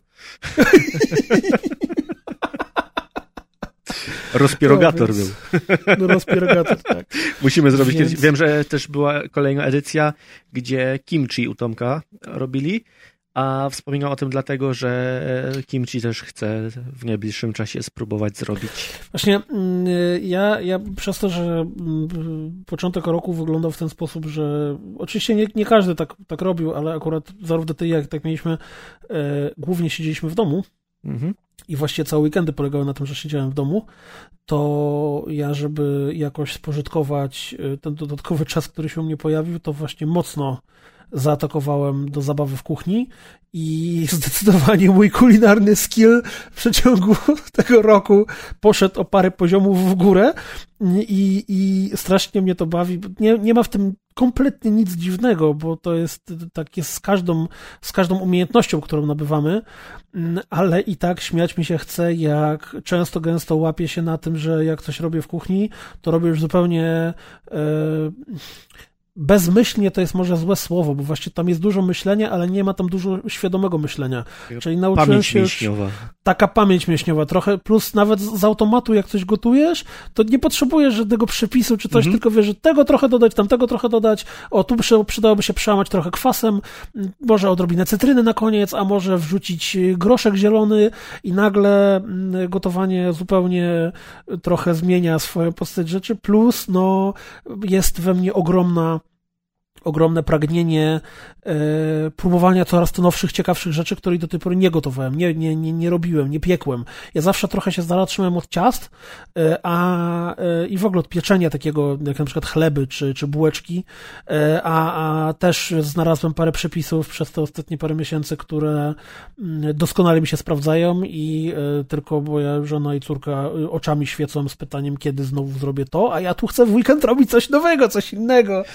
Niestety niestety jak wejdzie się w świat chlebów i pieczywa i zakwasu, to to, co tam się otwiera przed tobą, to jest masakra. To no wszystko źle robimy ogólnie. No właśnie, no właśnie. Dokładnie tak. Natomiast jak jesteśmy tak mm, właśnie tutaj o gotowaniu, to o, pociągnąłbym... coś Ja gotuję ostatnio trochę. O próbowaniu gotowania nowych rzeczy, to tutaj przeszedłbym płynnie do tematu odcinka, który dzisiaj nie jest jednoznacznie pojedynczy, tylko jest trochę mieszany. Znaczy, po pierwsze, ja chciałem zrobić follow-up do mm, poprzedniego odcinka z Wojtkiem, który zachęcał, polecał i e, chwalił się swoim airfryerem, którego ja też nabyłem. I e, żeby nie powtarzać za bardzo, bo też nie pamiętam dokładnie, co tam było mówione, ale jestem z tego urządzenia bardzo zadowolony, mm, bo robienie frytek, czy robienie ziemniaków, czy robienie no, no wielu różnych rzeczy nagle e, nabrało zupełnie inne. Wiadomo, to jest tak, to wszystko da radę zrobić po prostu w piekarniku. Tylko jednak to, że mamy jedną zamkniętą przestrzeń, gdzie to powietrze tam działa i to jeszcze trochę szybciej piecze, trochę, trochę zmienia to, w jaki sposób na przykład frytki wychodzą z airfryera mm, upieczone i ta ich skórka jest inna. E, na przykład e, przez to, że tam jeszcze to urządzenie mm, w miarę sensownie się obsługuje, to jest duże, bo ja bardzo lubię gotowanie takie trochę jak system rakiet w myśliwcach, czyli fire and forget. E, jak zwłaszcza robię coś na przykład do domu takie, że nie bawię się teraz dzisiaj, teraz wchodzę do kuchni, teraz ja będę gotował, tylko na przykład potrzebuję zrobić coś na szybko, przy okazji robię coś innego, mhm to właśnie air fryer, jak już się go nauczyłem obsługiwać, to idealnie się do tego sprawdza, że wiesz, wrzucam, nie wiem, wrzucam y, dwa bataty, odpalam go na 20 minut, wychodzę, robię coś innego, wracam po 20 minutach, przecinam te bataty na pół, wydłubuję z, z nich już y, tak naprawdę upieczone, y, upieczonego batata, przerzucam do miski, dodaję dwa jajka, trochę sera żółtego, szczypiorku, mieszam to wszystko, przekładam z powrotem do, do skórek, które nie zostały zniszczone przy wyciąganiu, znowu wrzucam do air fryera, odpalam i za kolejne 10-15 minut mam zajebiście fajnie upieczone, wiesz, marynowane, znaczy nie marynowane, faszerowane bataty na przykład, nie? Więc y, jeśli chodzi o mnie w skrócie, to tego air fryera jak najbardziej polecam. Nie zajmuje dużo miejsca, nie jest bardzo drogi, a można w nim robić cuda, o czym najlepiej świadczy masa bardzo fajnych przypisów na YouTubie, które są z nim związane. Jest taki kanał, bo to teraz tak płynnie do y, może tematu tego. Mhm. E, bo, bo, chcieliśmy też pogadać troszeczkę o tym, skąd bierzemy ogólnie przepisy i, i, i skąd wpadamy na pomysł, co ugotować, nie ugotować. I właśnie w przypadku tego Air Fryera chciałem tutaj wam polecić kanał YouTube'owy, który się nazywa Home Pro Cooks. To jest kanał, którego najpierw prowadziło dwóch braci, teraz prowadzi jeden z nich e, i on ma całą serię filmików związanych właśnie z airfryerem, w którym próbuje zrobić najróżniejsze rzeczy. Próbuje, nie wiem, upiec bułki, próbuje zrobić tam nawet pizzę w którymś momencie, jakieś y, y, potrawki, no, najróżniejsze rzeczy, jakieś grzanki, nie grzanki, no mega, mega ciekawe, ciekawe pomysły, a w ogóle sam w sobie kanał też jest całkiem ciekawy nazywa się jeszcze raz Pro Home Cooks. Też będzie dostępny. Tak, właśnie chyba całą listę zrobimy tych rzeczy. Może notuj od razu gdzieś na dole, mm, że tak. akurat to mamy powiedzieć. To tu dodam przepis. A właśnie, Atku, co, jaki ty byś kanał dorzucił jeszcze? To jak eee, jesteśmy przy YouTube, to może powiedz o YouTube. Znaczy, mm, a ja chciałem najpierw wrócić do Jadłonomi. A, do jadłonomii, Bo okay. wspomnieliśmy o pani, pani z jadłonomii, a być może ktoś nie zna jadłonomii. Jadłonomia to jest blog z, z przepisami, czy też strona, nie wiem, dalej nie pamiętam jakaś definicja, z wegańskimi przepisami. Przy czym to są takie przepisy, które praktycznie zawsze wychodzą. Cokolwiek nie próbowałem zrobić z jadłonomii, to zawsze raz, że składniki były takie, że są dostępne do kupienia w okolicy, a jeżeli są jakieś dziwne składniki, to zawsze jest napisane, gdzie je dostać i jaki jest zamiennik. Tak, to, to, że ona podaje zamienniki, to jest, jest mega sprawa. Cały opis przepisu jest zawsze w bardzo przystępny sposób, no i jest tego cała masa, od śniadań aż po kolację, deserów, na to, że kuchnia wegańska jest mi kompletnie nieznana, to cokolwiek tam kliknę, to, to zawsze jest dla mnie coś nowego i, i wychodzi coś smacznego. I od razu płynnie do książek z jadłonomi bym przeszedł, bo obaj e, zaopatrzyliśmy się w nie. Ja sobie kupiłem, bo książki są trzy. Yy, I teraz, żebym ja nie pomylił tytułów. Jest jadłonomia po polsku, jest nowa jadłonomia, czyli I... przepisy światowe yy, i chyba jadłonomia. Okej, okay, już mi się yy, ładuje. Ja mam na pewno, ja mam, ja mam jadłonomię po polsku i mam nową jadłonomię, a ty masz jeszcze tą trzecią 100 książkę. przepisów nie tylko dla wegan, tak się nazywa. A. Jadłonomia kuchnia roślinna, druga jest jadłonomia roślinne przepisy z całego świata i trzecia jest jadłonomia po polsku. Ja mam pierwsze dwie. Eee, I one też są super. To, to jest ciąg dalszy tych przepisów, które są na blogu, przy czym one nie są zdublowane, więc to nie jest tak, że poczujecie się oszukani.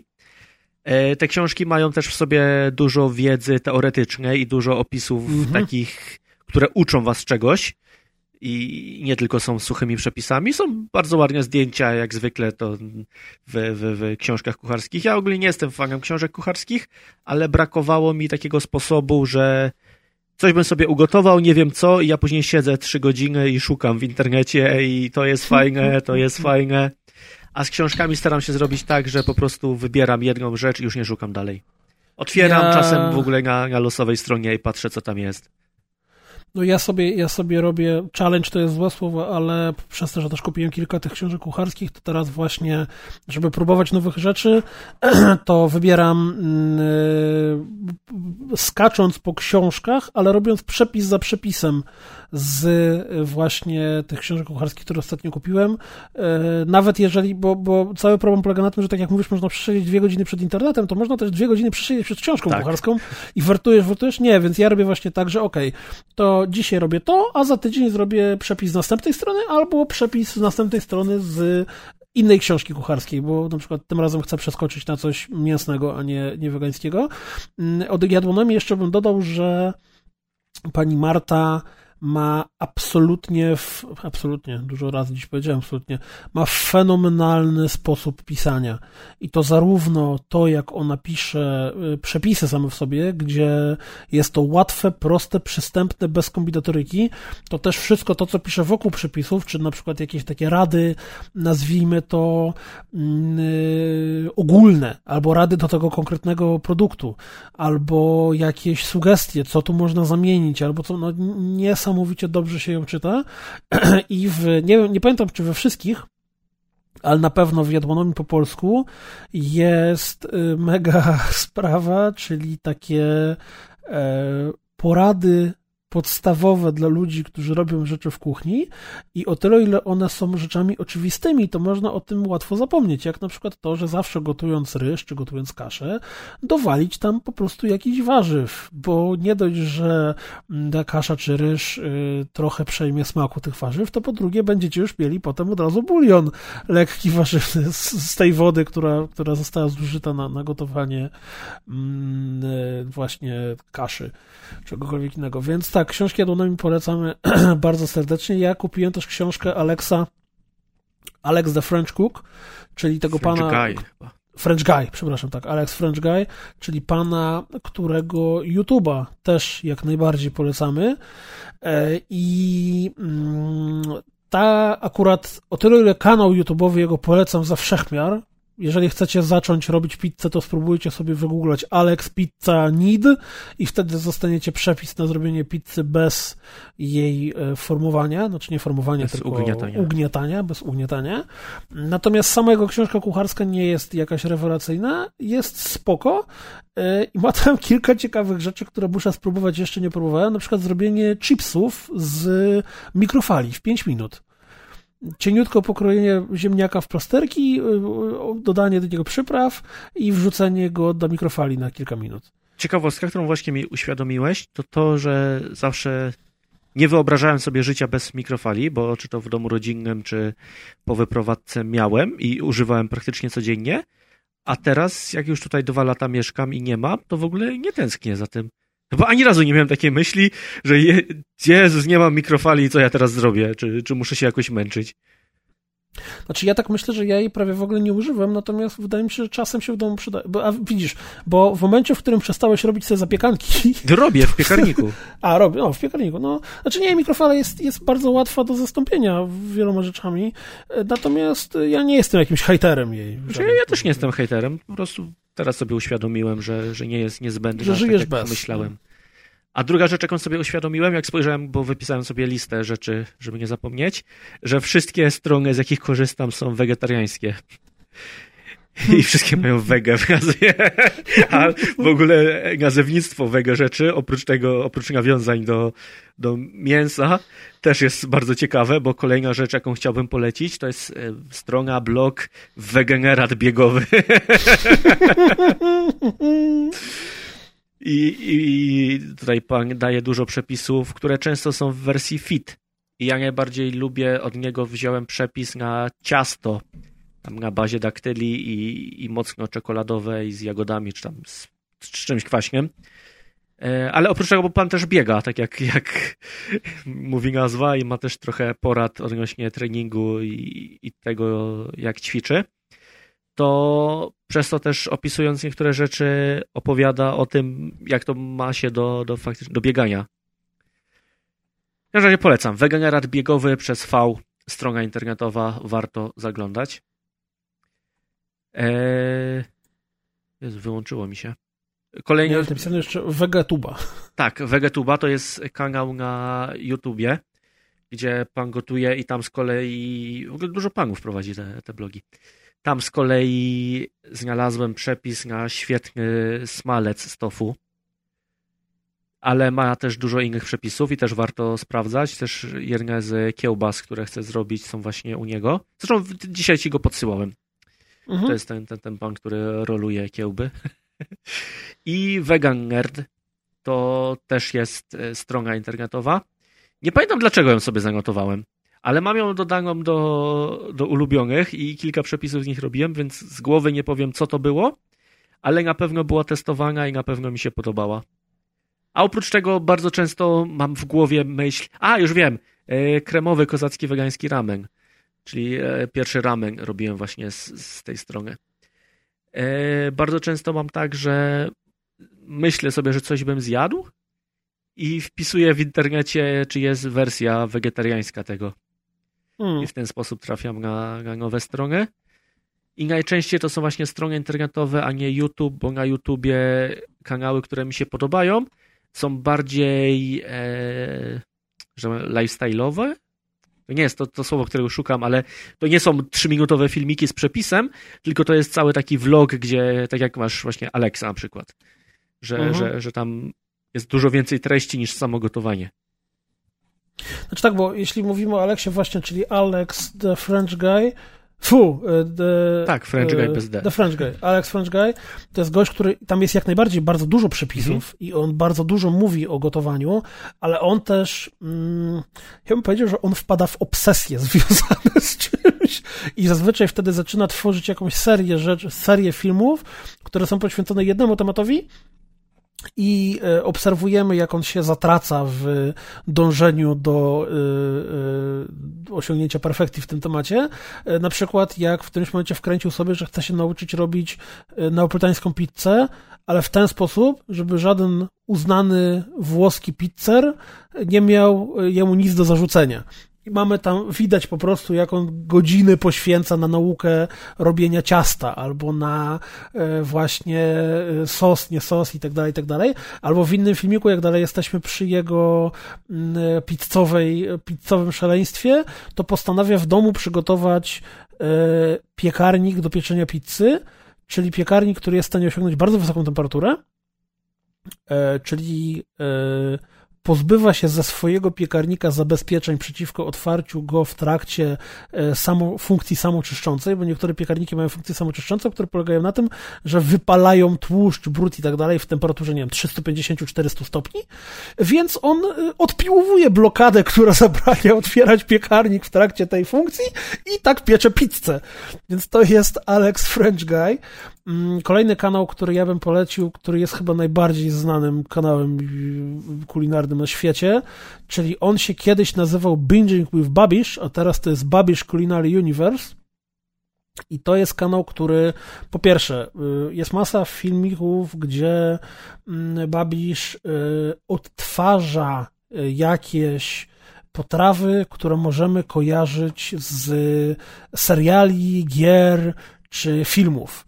Czyli nie wiem, na przykład gotuje mm, y, kurczaki, które były w Breaking Bad, albo robi Meat Tornado z Parks and Rec. I zazwyczaj to wygląda w ten sposób, że najpierw tworzy to na szybko mm, w ten sposób, jak to było przedstawione w tym serialu, a później czy tam filmie, a potem próbuje jakoś coś dalej wytworzyć z tej potrawy, tak żeby, żeby jakoś ją rozwinąć albo zrobić ją zdrowszą albo smaczniejszą.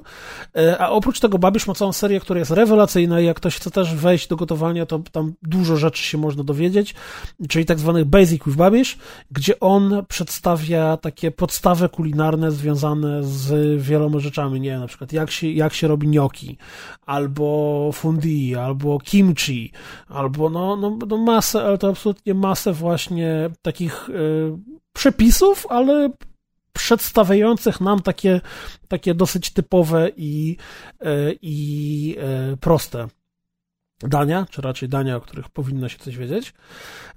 Kolejny kanał, który rzucę, to rzucę kanał, który się nazywa Sam the Cooking Guy. I to jest bardzo ciekawy kanał, dlatego że mm, to jest klasyczny YouTube przepisowy. Gość dwa, trzy razy w tygodniu, nie wiem nawet dokładnie ile, wrzuca filmiki z jakimiś tam przepisami.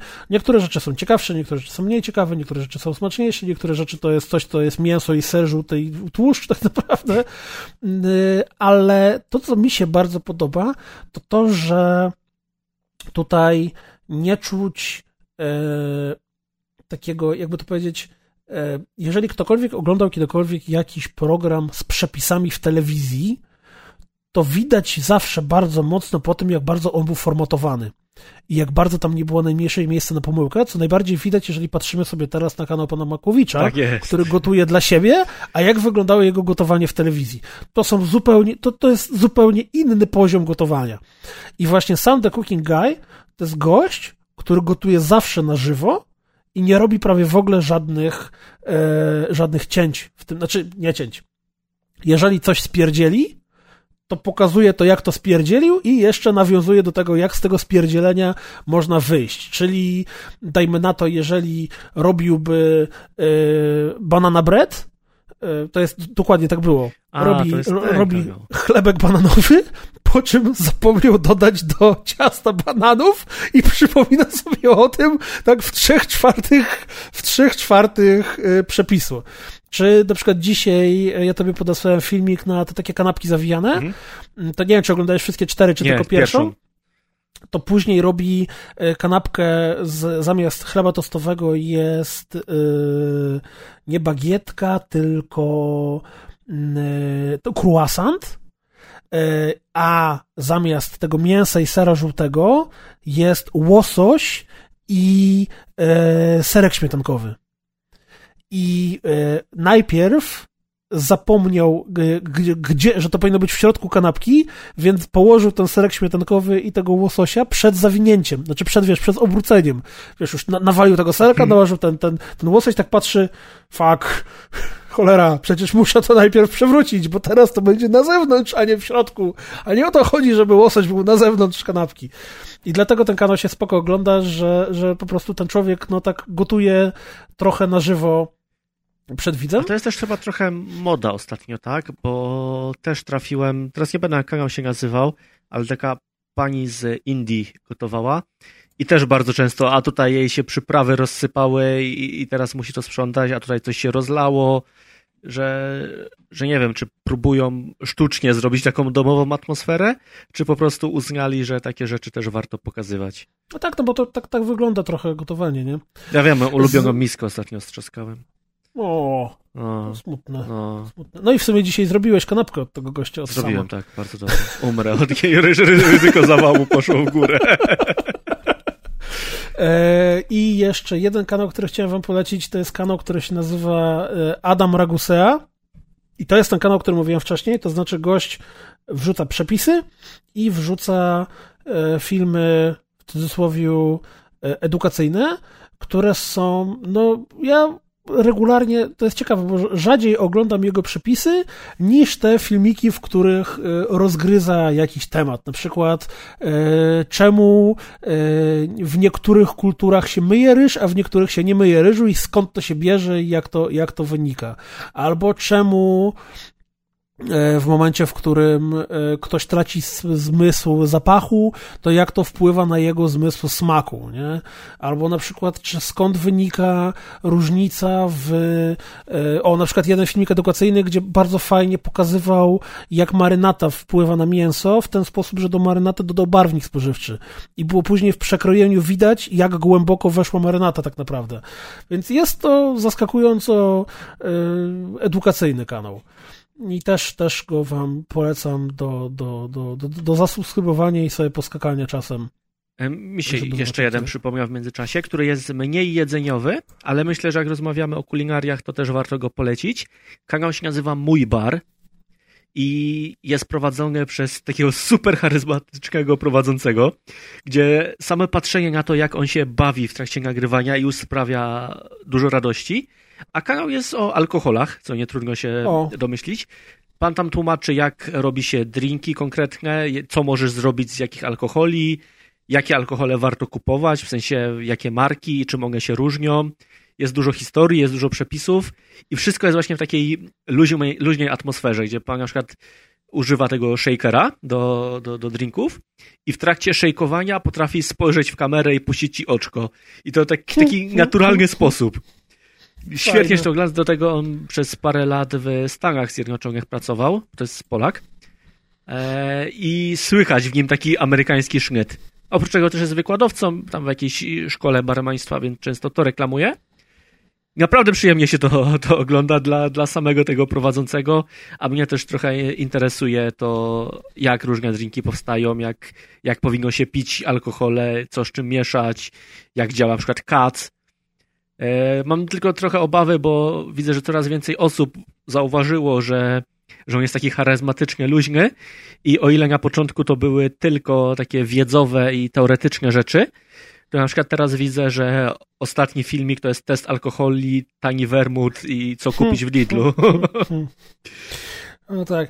Jest oczywiście, teraz ja nie pamiętam jak się nazywa y, jego kanał, który na pewno wszyscy znają, bo on zrobił furorę y, YouTube'ową. Ten taki kucharz, który jest zarówno po polsku, jak i po włosku gotuje.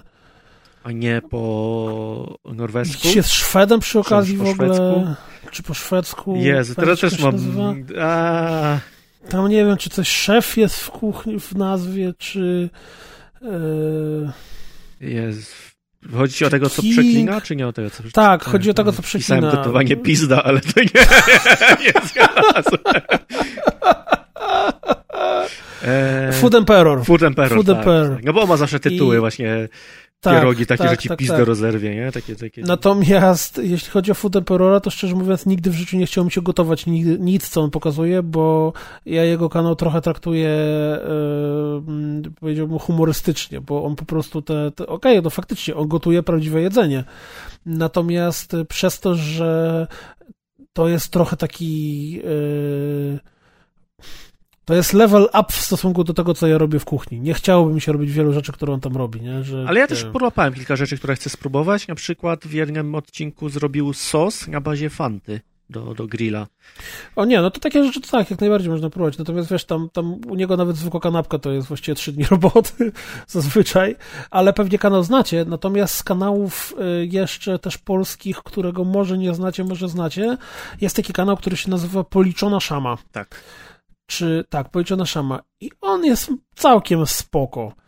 Tam są zazwyczaj dosyć proste przepisy, które łatwo zrobić, ale yy, no jak sama nazwa wskazuje, jest tam odniesienie do tego, ile kalorii one mają i tak dalej, ale jest tam parę fajnych. Ja tam kilka wrapów robiłem, które, które mi podeszły. To jest taki kanał, który tu nie jest tak, że wchodzę na niego regularnie, ale często jak szukam jakichś przepisów i wpisuję jakąś nazwę, to mi wyskakuje i go sprawdzam ale też jest technicznie ładnie zrobiony, bo jest taki moment, gdzie na ekranie widać wszystkie składniki, które są potrzebne i na moment się zatrzymuje ekran i można sobie screenshota zrobić, żeby wiedzieć, co trzeba kupić.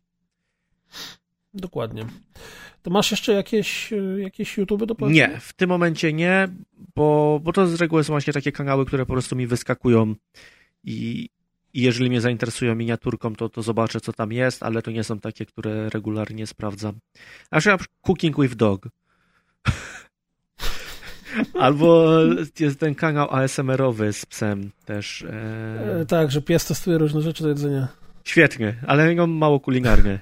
No tak. Maja Polar Beer. Swoją drogą, Swoją drogą jest jeszcze Emmy in Japan, ale ja szczerze mówiąc nic nigdy nie oglądałem kilka jej filmików, ale nigdy w życiu nie ugotowałem nic, co ona robiła. Jakoś nie, nie było to na tyle zachęcające, żeby tego spróbować. Natomiast yy, myślę, że słuchacze, drodzy nasi, jeżeli macie jakieś kanały, które lubicie, polecacie, a o których my nie podzieliśmy, to koniecznie w komentarzach poprosimy o linki, żeby, żeby dodać subika i, i zobaczyć, yy, co tam ciekawego robią. Ja myślę, że to jest dobre miejsce chyba, żebym się zareklamował. Proszę bardzo. E, ponieważ na Twitterka wrzucam często to, co aktualnie ugotowałem, z jakimś tam krótkim opisem, foteczką i, i, i przepisem, to Natalia z Manga Manga mi poleciła, żebym, znaczy raczej mnie namawiała na Instagrama, co nie mam 13 lat, żeby to robić, ale poleciła mi, żebym chociaż jednym hashtagiem okraszał te moje wpisy i tak też narodził się hashtag gotuj z Atkiem, pod którym to na Twitterze możecie znaleźć wszystkie kolejne rzeczy, jakie ugotuję i jakie będę tam umieszczał. Nie musicie mnie followować, a wystarczy, że będziecie śledzić ten hashtag i wszystkie jedzeniowe rzeczy będziecie mieli w jednym miejscu. Aktualnie tam jest tylko mój dzisiejszy ramenik pseudo, ale na pewno pojawi się tego więcej, bo staram się przynajmniej raz w tygodniu jakąś foteczkę wrzucić, przy czym Ostatnio też uczę się, jak robić zdjęcia jedzenia, więc coraz więcej jest takich zdjęć, co ugotowałem coś, robię zdjęcie i patrzę na nie na komputerze i wygląda okropnie, go nie wrzucam. Więc kilka takich przepisów przepadło i już nigdy się nie pojawią. Ale trudno. Nice. Gotuj z Atkiem. Polecam sobie czasem na Twitterku sprawdzić. Jeżeli... A jak chcecie zapamiętać, to gotuj z Atkiem. No, gotuj z. Tak jest. E, a to odnośnie rzeczy, które polecasz, może byś jeszcze powiedział o programie Netflixowym? E, tak. Obejrzałem, znaczy, być może pamiętacie, że pytałem na ostatnim odcinku Wojtka, jakie programy na Netflixie poleca, czy ogólnie na VOD poleca kulinarne i tak się zdarzyło, że przez ten ostatni rok trochę rzeczy obejrzałem, ale nie chcę o wszystkich opowiadać, więc powiem to, co było najnowsze, to obejrzałem sobie program Final Table, na Netflixie i jest to takie show, gdzie jest, teraz nie pamiętam, czy 10 czy 12 zawodników, właściwie razy dwa, bo gotują w parach, z różnych krajów i to są szefowie kuchni takich restauracji, którzy albo są blisko, albo mają po jednej gwiazdce Michelin. Co odcinek dostają jeden kraj, z którego muszą ugotować jakąś tam wybraną potrawę, która jest w pewien sposób opisana, czyli na przykład są w Ameryce i i daniem dnia jest hot dog i oni teraz muszą po swojemu tego hot doga zrobić. I to niekoniecznie będzie taki hot dog, jaki znamy, nie? Że, że to będzie buła i kiełba, tylko oni przez to, że są tacy szefowie kuchni, to on tam może sobie wziąć jarmuż i on z tego jarmużu ukształtuje parówkę i obok tego zrobi krople sosu, która symbolizuje coś tam i jest cała taka ckliwa historia, jakie emocje dany posiłek sprzedaje. I to nie jest nic, co uczy gotować. To nie jest tak, że oglądasz ten program i myślisz, że ja chcę to ugotować. Ale tak fajnie się patrzy na to, jak profesjonaliści gotują, jak oni podchodzą do jedzenia. Wiadomo, że to jest trochę tego takiego pierdololo telewizyjnego, gdzie właśnie opowiadają o emocjach, o tym, że ten wychował się bez rodziców i, i dlatego gotowanie jest dla niego ważne. Ale to dodaje tego smaczku i przez to całe to gotowanie też nabiera takiego ludzkiego wymiaru jak jest więcej emocji. No a przy okazji to jest e, show, więc odpadają, więc mamy swoich faworytów i kibicujemy różnym ludziom i przez to, że to jest tak wysoki poziom, no to tam najdrobniejsza wpadka sprawia, że, że wylatują z programu.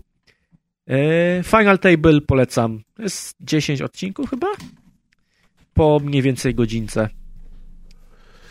Może jak skończę oglądać e, polecone, przepraszam, nie polecone przez ciebie siedem grzechów głównych, to e, i też nie polecam, nie oglądajcie tego, to jest tragiczne, jest beznadziejne. Mm, to, to może sobie w Final Table sprawdzę. E, a swoją drogą to mm, jeszcze z polecanek, już ostatnich i tym razem nie oglądanych ani mm, ojej, ani czytanych, ani z tym stylu, to nabyłem urządzenie do domu, i gorąco je polecam wszystkim. Nazywa to się cudo Soda Stream, czyli coś, co pewnie większość z Was kojarzy. E, po polsku to chyba powinno się nazywać e, jak się nazywało kiedyś te mieliśmy syfony. Syfon, tak. Na naboje tutaj mamy syfon na butlę mm, wypełnioną dwutlenkiem węgla. E, I mój motywator do zakupu SodaStreama to był to w ogóle saturator się saturator, chyba tak. nazywało, tak. Mój motywator do kupna SodaStreama był taki, że ponieważ w zeszłym roku postanowiłem przestać pić kole, E, to przerzuciłem się na picie, e, ale też nie tak jakoś opłąkańczo, tylko po prostu przez to, że ja piłem jej dosyć sporo, to uznałem, że lepiej jej nie pić niż ją pić i ją ograniczyłem bardzo mocno e, i przerzuciłem się na wodę gazowaną. A ponieważ przerzuciłem się na wodę gazowaną, to zacząłem tej wody pić codziennie butelkę, a jak się pije codziennie butelkę, a czy w weekend czasem nawet i dwie, to nagle w przeciągu tygodnia mamy w domu, kurde, 10 butelek plastikowych mm -hmm. I, i, tego, tych śmieci plastikowych się zaczyna być bardzo dużo. Które też trzeba przynieść I, do domu. No, ta, no tak, ale to wiesz, te, tam auto, nie auto, to jest mniejszy problem. Natomiast no jednak jak widzisz, jak rośnie tobie hałda w, w worku na śmieci butelek i to właściwie z tygodnia to jest coraz większa, no to doszedłem do wniosku, że kurde, jednak warto byłoby coś z tym zmienić. I właśnie Soda Stream idealnie mi się sprawdził i to jest tak, że o tyle ile nabój kosztuje, ja kupiłem to urządzenie na jakiejś promocji, które gdzieś tam było, nie wiem, chyba tam za dwie czy trzy stówy, dostałem w zestawie trzy butelki do, do, do, do napełniania i to jest tak, że przy moim zużyciu e, wody, czyli jeżeli to odniesiemy do kupowania, to jest półtora litrowa butelka wody gazowanej dziennie, to mi ten nabój starczy na jakiś miesiąc, 3-4 tygodnie, e, a nabicie takiego naboju to jest 20 zł. Więc. Yy, Ale przy czym zaznacz, bo ty nie nabijasz ich oficjalnie z tego, co znaczy nie, no ja idę do firmy, która się zajmuje sprzedażą gazów technicznych i gazów spożywczych i tam mają usługę napełnienia naboju SodaStream e, gazem spożywczym, e, dwutlenkiem węgla mm, i dzięki temu kosztuje mi to 20 zł. W Mediamarktach chyba kosztuje to 40 zł więc trochę mniej opłacalnie, ale jak patrzyłem w internecie z ciekawości, to tych firm, które się zajmują napełnianiem tych soda streamów jest cała masa. No właśnie widziałem, że mają... na OLX jest masa ogłoszeń. No, bo to jest tak, że dla nich... E... za 12 zł oni biorą za to dwie dychy, bo tak naprawdę koszt tego gazu, który oni napełniają, to jest na przykład 20 groszy albo 50 Pewnie groszy. Złączka tylko to bardziej chodzi po prostu o to, że jest złączka do tego i bardziej chodzi o to, że to wiesz, pracownik musi w tym momencie wziąć tą butelkę, psiknąć, odkręcić, oddać i tak dalej. No i w moim przypadku, jak ja piłem jakiegoś tam żywca zdrój y, i sześciopak kosztował, nie wiem, 10-12 zł, to, to są dwa sześciopaki, czyli tak naprawdę nawet to taniej wychodzi niż, niż bym kupował tą wodę, ale pomijając zupełnie koszt, to, to w gruncie rzeczy najbardziej się cieszę, że nie produkuje masy plastiku dzień w dzień.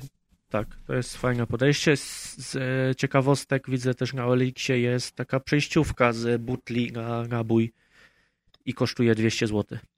Okej, okay, czyli jeżeli ktoś jest y, handy i się nie boi, to może sobie kupić w ogóle butlę z dwutlenkiem węgla i samemu sobie napełniać. Mm -hmm. Tak czy siak ja polecam Soda Stream, bo to też ten problem zniknął, że zawsze jak mi się chce pić, to po prostu idę do, idę do kuchni, robię pszt i już mam, mam nagazowaną wodę, zwłaszcza, że można tam całkiem konkretnie ją dogazować tak, że jest dużo bardziej nagazowana niż, niż woda taka normalna. To jest mega zazdro, w... bo ja strasznie lubię wodę gazowaną i wielokrotnie zastanawiałem się nad tym Soda Streamem ale ja wiem, że mi się nie będzie chciało napełniać tych naboi, a kupowanie nowych kompletnie nie ma nie, sensu. Nie, no to mija się z celem, bo nowy nabój kosztuje, kurde, ponad stówę. Znaczy też wiadomo, że jeżeli się spojrzy na to tylko z perspektywy eko, to bycie eko to nie jest bycie oszczędnym, to nie, to nie jest to samo. Nie, no ale wiesz to wydaje mi się, że jeżeli patrzyłbyś na to z perspektywy bycia eko, to kupowanie nowego naboju, który jest, wiesz, też do jego produkcji tam, kurde, pewnie y, dzieje się dużo złych rzeczy, no to to też pewnie nie byłoby takie, takie eko. A widzę, że nawet na Allegro jest y, Soda Stream nabicie 10 y, zł kosztuje, czyli faktycznie robią to wszyscy wszędzie.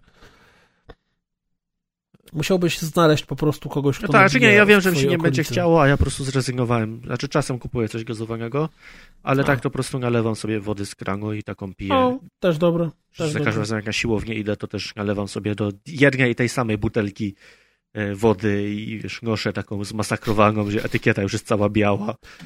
Ale podoba mi się, podoba mi się bardzo, że mm, b- boty słuchają naszej audycji bardzo wyraźnie, bo właśnie przed oczami wyświetliła mi się reklama, na której jest kilogram daktyli suszonych bez pestek w takim plastikowym opakowaniu, jest szynkowar, jest frytkownica beztłuszczowa, airfryer. Frytownica, to jest ważne, bo to, to nie jest do robienia frytek, tylko do robienia frytury. A, czyli... smażenia, frytownica. A tak. frytkownica z K w środku, to to jest takie coś, co kroi ci ziemniaki na frytki. Okej, to ja powiem, że jest airfryer. Tak, a w międzyczasie też YouTube mi polecił jeszcze film e, Karmienie pierdzącego bombata. I wysłałem na rozgrywkowym czacie. Dobrze, no to myślę, że Lepiej nie tym będzie. pozytywnym akcentem możemy zakończyć yy, szósty odcinek rozgryszanki. Mm, Dziękujemy, że czekaliście, dziękujemy, że pytaliście. Yy, Mamy nadzieję, że drugi odcinek pojawi się, znaczy siódmy odcinek bank się pojawi pojawi jeszcze w tym roku. Tak jest. Mm, Jeżeli macie jakieś pytania, zachęty, jakieś kanały YouTube'owe do podesłania dla nas, no to czekamy w komentarzach z przyjemnością. Cokolwiek jedzeniowego, co, z czym chcielibyście się podzielić z Tak. nami, to piszcie. Jakieś, nie wiem, jeżeli coś ostatnio ugotowaliście, jesteście się wyjątkowo dumni, albo macie jakieś rzeczy, które ostatnio was z kuchni zaskoczyły, to czy to pod odcinkiem, czy to na Facebooku, na grupie, piszcie i rozmawiajmy o jedzeniu, bo jedzenie to dobro, a teraz potrzebujemy dużo dobra, żeby nasze serca były szczęśliwe, a nie zdołowane. I zróbcie sobie makaroniki. Proste, łatwe, a można zrobić je w takim smaku, w jakim wam przyjdzie do głowy. Albo pizzę. Pizza jest jeszcze prostsza. I jest super tania. To zróbcie sobie pizzę na obiad i makaroniki na deser. Tak jest. O. Smacznego. I tak